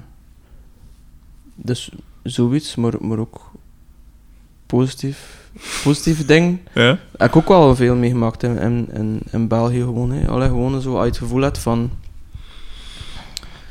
Ehm, wat dat mij altijd aangrijpt, is zo dat overal waar mensen wonen, dat er optredens zijn en dat er volk is die dan naartoe komt en mensen die hun eigen leven en daar, dat dat zo in de, in de avondje uit is en dat ze Mhm. zo in de eigen intriges en love stories en in de eigen cultuur daar zo van we gaan niet applaudisseren voor de band of we gaan juist wel de max vinden of we gaan iedereen is hier zo gekleed of iedereen is hier zo Ja. of weet ik van wauw of die praten zo of dat verwondert ik mij altijd over dat overal dat er overal mensen uiteindelijk wonen Allee, Mhm. want is, allee, het klinkt misschien stom maar je ziet dat op de, op de kaart dat daar een stad is maar om daar ook te zijn en te beseffen, voor hen is dit de wereld. Ja, voor hun Ja, dus- is dit de thuis. Is de dit de thuis en ja. mijn thuis is daar. En Ja. ik denk dat mijn wereld zo groot is, maar dit ken ik niet. Ja. En dat, dat, dat is niet zo één ding, maar dat is zo op termijn dat ik er zo door heb van, maar jong, overal, zelfs in Spanje wonen er mensen. En, allee, dat klinkt misschien Ja, raar, nee. maar dat is zo. Nee, inderdaad. Dat ja. is zo. Want voor ons is inderdaad, ja, je zet er dan ergens in. Ik zeg nu maar iets. Mijn moeder die gaat dan altijd naar Italië, is verliefd op Italië. En die komt er dan ergens in zo, ja, zo'n iets niet toeristisch. En voor haar is dat dan natuurlijk, hè, zij is daar als toerist, maar die gewoon mensen, die zien daar weer de zoveelste Ah, ja. rijken, allee, in hun ogen waarschijnlijk, of toch rijkeren doorgaans, neem ik aan. Eh, de een of de ander dat dan een keer pijst van, ah, we gaan ons hier een keer een week amuseren, maar die, die mensen die moeten dan zoiets naar hun werk of zoiets. ja, voilà. En dat is dan dat, is hun dat thuis. is in de wereld, ja. Gelijk, er wonen mensen in Venetië. Ja, er wonen mensen Er zijn mensen dat er gewoon echt wel niet kijken naar de, wat is het, Ponte Vecchio of weet ik veel, maar dat pijzen, fuck, ik moet naar mijn werk en ik ben... Allee, Ja, ja. ik vind dat zo... Ja, ik heb dat ook wel zo dat soort dingen. Maar vooral, niet, zelfs niet de grote steden. Hè. Zo, ik dat vooral bij de kleinere steden. Zo Ja. van, dat kende ik niet, maar dat is hier een heel... Dat is zo een teksteltje van een heel sociale gemeenschap dat je hier opentrekt. Zo'n microcosmos. Eventjes, ja, een microcosmos. Ja. Hm. En die hebben hier alles dat ze nodig hebben. Ja. Allee, zonder denigreren te doen. Nee, want wij hebben juist hetzelfde. Wij denken ook dat, de- dat, dat wij de wereld zijn. ja, zeker in steden hier. Zeker in steden, ja, die pretentie hebben we wel. Ja. Maar ja, Ja. dat vind ik de max. eh, dat mensen overal zo toch uiteindelijk hetzelfde doen, maar anders. En ook, Mhm. ook zo zelf, zo die, ja, ik zeg het, die intriges en dan die, die vriendenkletten en din bij oort bij din. Ja, en dan- tuurlijk. En die, eh, dat concert, goh, het is georganiseerd door de, door de zoon van de Beenhouwer, want dat is een lokale held, want die Ja, heeft ja. met zijn pa nog vroeger... ja, ja, zo, tuurlijk. wel, je, je, je, je Die komt- kleine dingen, Ja, zo dat. Dat De ik- waarnemer dus eigenlijk weer. Ja, de, ja, waarnemer. Een beetje de waarnemer. Ja. En dat vind ik zo de max. Zo, eh, vroeger kost me daar zo denigreren over doen. Van, ah, we gaan hier een keer hè, ja. gaan spelen bij de boeren of zo. Maar dat is... Ik kan er echt van, van ehm, nieuwsgierig zijn nu. Hm. Zo van, wie zijn die mensen? Wie zijn hij? En eh, zo...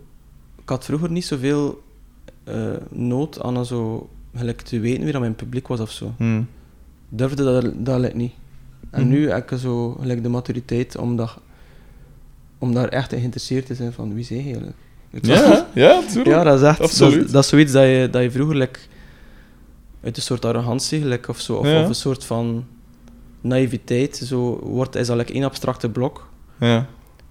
Eh, maar ik vind dat zalig om zo aan de merchandise te staan en zo wat Ja, gewoon wat dat mij interesseert is wat dat mijn connectie is tot hij. ja. Ik bijvoorbeeld, er waren twee gasten die, die zeiden, ja, we kenden dat wel, wat de Vanjets, maar we, we, we hebben een keer gezien op een eh, huiskamerconcert en we vonden dat gelijk zo tof. Mhm. Wat dat helemaal zeiden, hoe dat je daar stond en al. Ja, dat wij dachten, ja, dit, dit is het. En, en Ja. dan dacht ik van, "Mo, dat is nu echt wel tof. Ja. Of lekker een meisje, zo het cliché verhaal, maar dat was voor mij wel echt... Like over laatst in een meisje die zei van ja, eh, ik was een handtekening aan het geven en dan durfde ze toch die stomme vraag stellen. Het is misschien een stomme vraag, altijd. maar... Of, of, of iets stoms, maar ik ga het toch zeggen, want het is mijn enige kans om nu te zeggen tegen jou Tuurlijk, ja. dat ik drie jaar geleden eh, jou zag en muziek en al, eh, en alles dat er rond, rond eh, hoort. Hm. En ja, dat heeft mij helemaal geïnspireerd. En ik ben dan veranderd van studierechting. En ik doe nu grafische en al. Hmm. En dat heeft mij enorm geïnspireerd. En dat heeft mij helemaal op een ander elan Ja. gezet. En dat was zo van, wow, Daarvoor Dat- doe je het, hè. Ja. dat is de max. Dat, is, dat is het coolste. Dat is de max om te weten. Gewoon. Ja. Zo van, wow. Ook al, ik bedoel, ja, oké. Ik heb denk ik ook mij laten inspireren door... Dat iedereen, dat is Mhm. scheer en inslag, maar toch... Tuurlijk, maar dat je dat verschil dat maakt het voor iemand. Ja, Ja, Zo, dat je er zo, zo een klein eh, vonkje zit in iemand zijn leven. Dat is... ja. Dat jij iets veranderd hebt voor iemand. ja, Dat is inderdaad het. Ja, dat is, dat is het max. zo. Dat is... Hm. Allee, en ik zou daar bijvoorbeeld vrij benieuwd naar zijn voor een recensie te krijgen van gewoon een fan. Ja, ja. Daar ben ik eigenlijk vrij benieuwd naar. Mhm. En dus please, ik had al een keer die, die oproep, oproep gedaan, maar op Facebook, Ja? dat is gewoon, stuur ons dat. Al is dat gewoon je beschrijving van je fantasie over één nummer of Ja, zo, of, Wat of, gevoel bij een of waarom dat je dat oplegt, of Ja. eh, waarom dat je dat goed vindt of niet goed vindt, of weet ik van wat, of wat dat je dacht dat we beter aan moeten doen of slechter, of Mhm. gewoon iets, dat is zo, dat is zo de max in. Mhm. Ja, ik heb exact hetzelfde gevoel. Ik vind dat ook super. Dus bij deze. Ik zou je enorm willen bedanken dat ik hier ten eerste zo ongelooflijk lang eh, mocht zitten. Ja, En- sorry, ik ben wel een beetje een lange Nee, nee, nee, nee, nee. Het is ideaal, want niks, niks zo tof als een muzikant dat ook wat afwijkt in bepaalde richtingen. Want dan komt er meer te weten over dan puur... Allee, dan puur allee, ja, want we weten wel sowieso wel van... Ja, die gaat dan niet vertellen over dat nummer of over Ja, die plaat of ja, over die plaat, maar dan dat je ook een beeld krijgt van, van de mens achter de muziek, Johannes. Mensen achter de micro. Nee, ik, zou, ik vond het echt super interessant en tof. Eh, oprecht, echt waar. Ik zou het Goed. zeker niet zeggen, moest ik het niet meen. Ehm, en eh, ja, echt waar. Ik vond het echt. Maar het is zalig om een keer zo zonder druk van Mhm. iets van format gewoon te kunnen freestylen. Ja. Eigenlijk is dat zoiets dat, dat gebeurt. Eh, ik en Dave doen dat vaak. Dave Sanders, zo s'avonds in de off zitten en zo wat hup, elaboreren over Tuurlijk. iets. En dat maakt Ah, niet ja. uit. Dat tofste dat er is. En dat is tof dat er is. En ja. weet dat wel een soort vacuüm is dat plaats heeft in, hier, nu, in deze samenleving. Mhm. En wel de... Ik denk dat dat tof is om naar te luisteren. Ik vond dat toch tof als ik die van de Wolf Van luisterde. de wolf, ja. Dat is zo gewoon gelijk een, een soort compagnon of zo. Ja.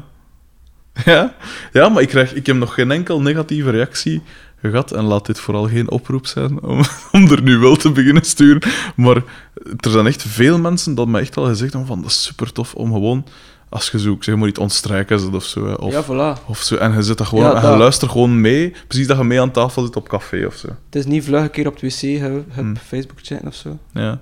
En het ding is ook, gelijk, want sommige artiesten eh, ze regelen dat dan zo via hun manager, gelijk in, in ons geval nu ook. Maar dan krijg ik direct zo al het gevoel van.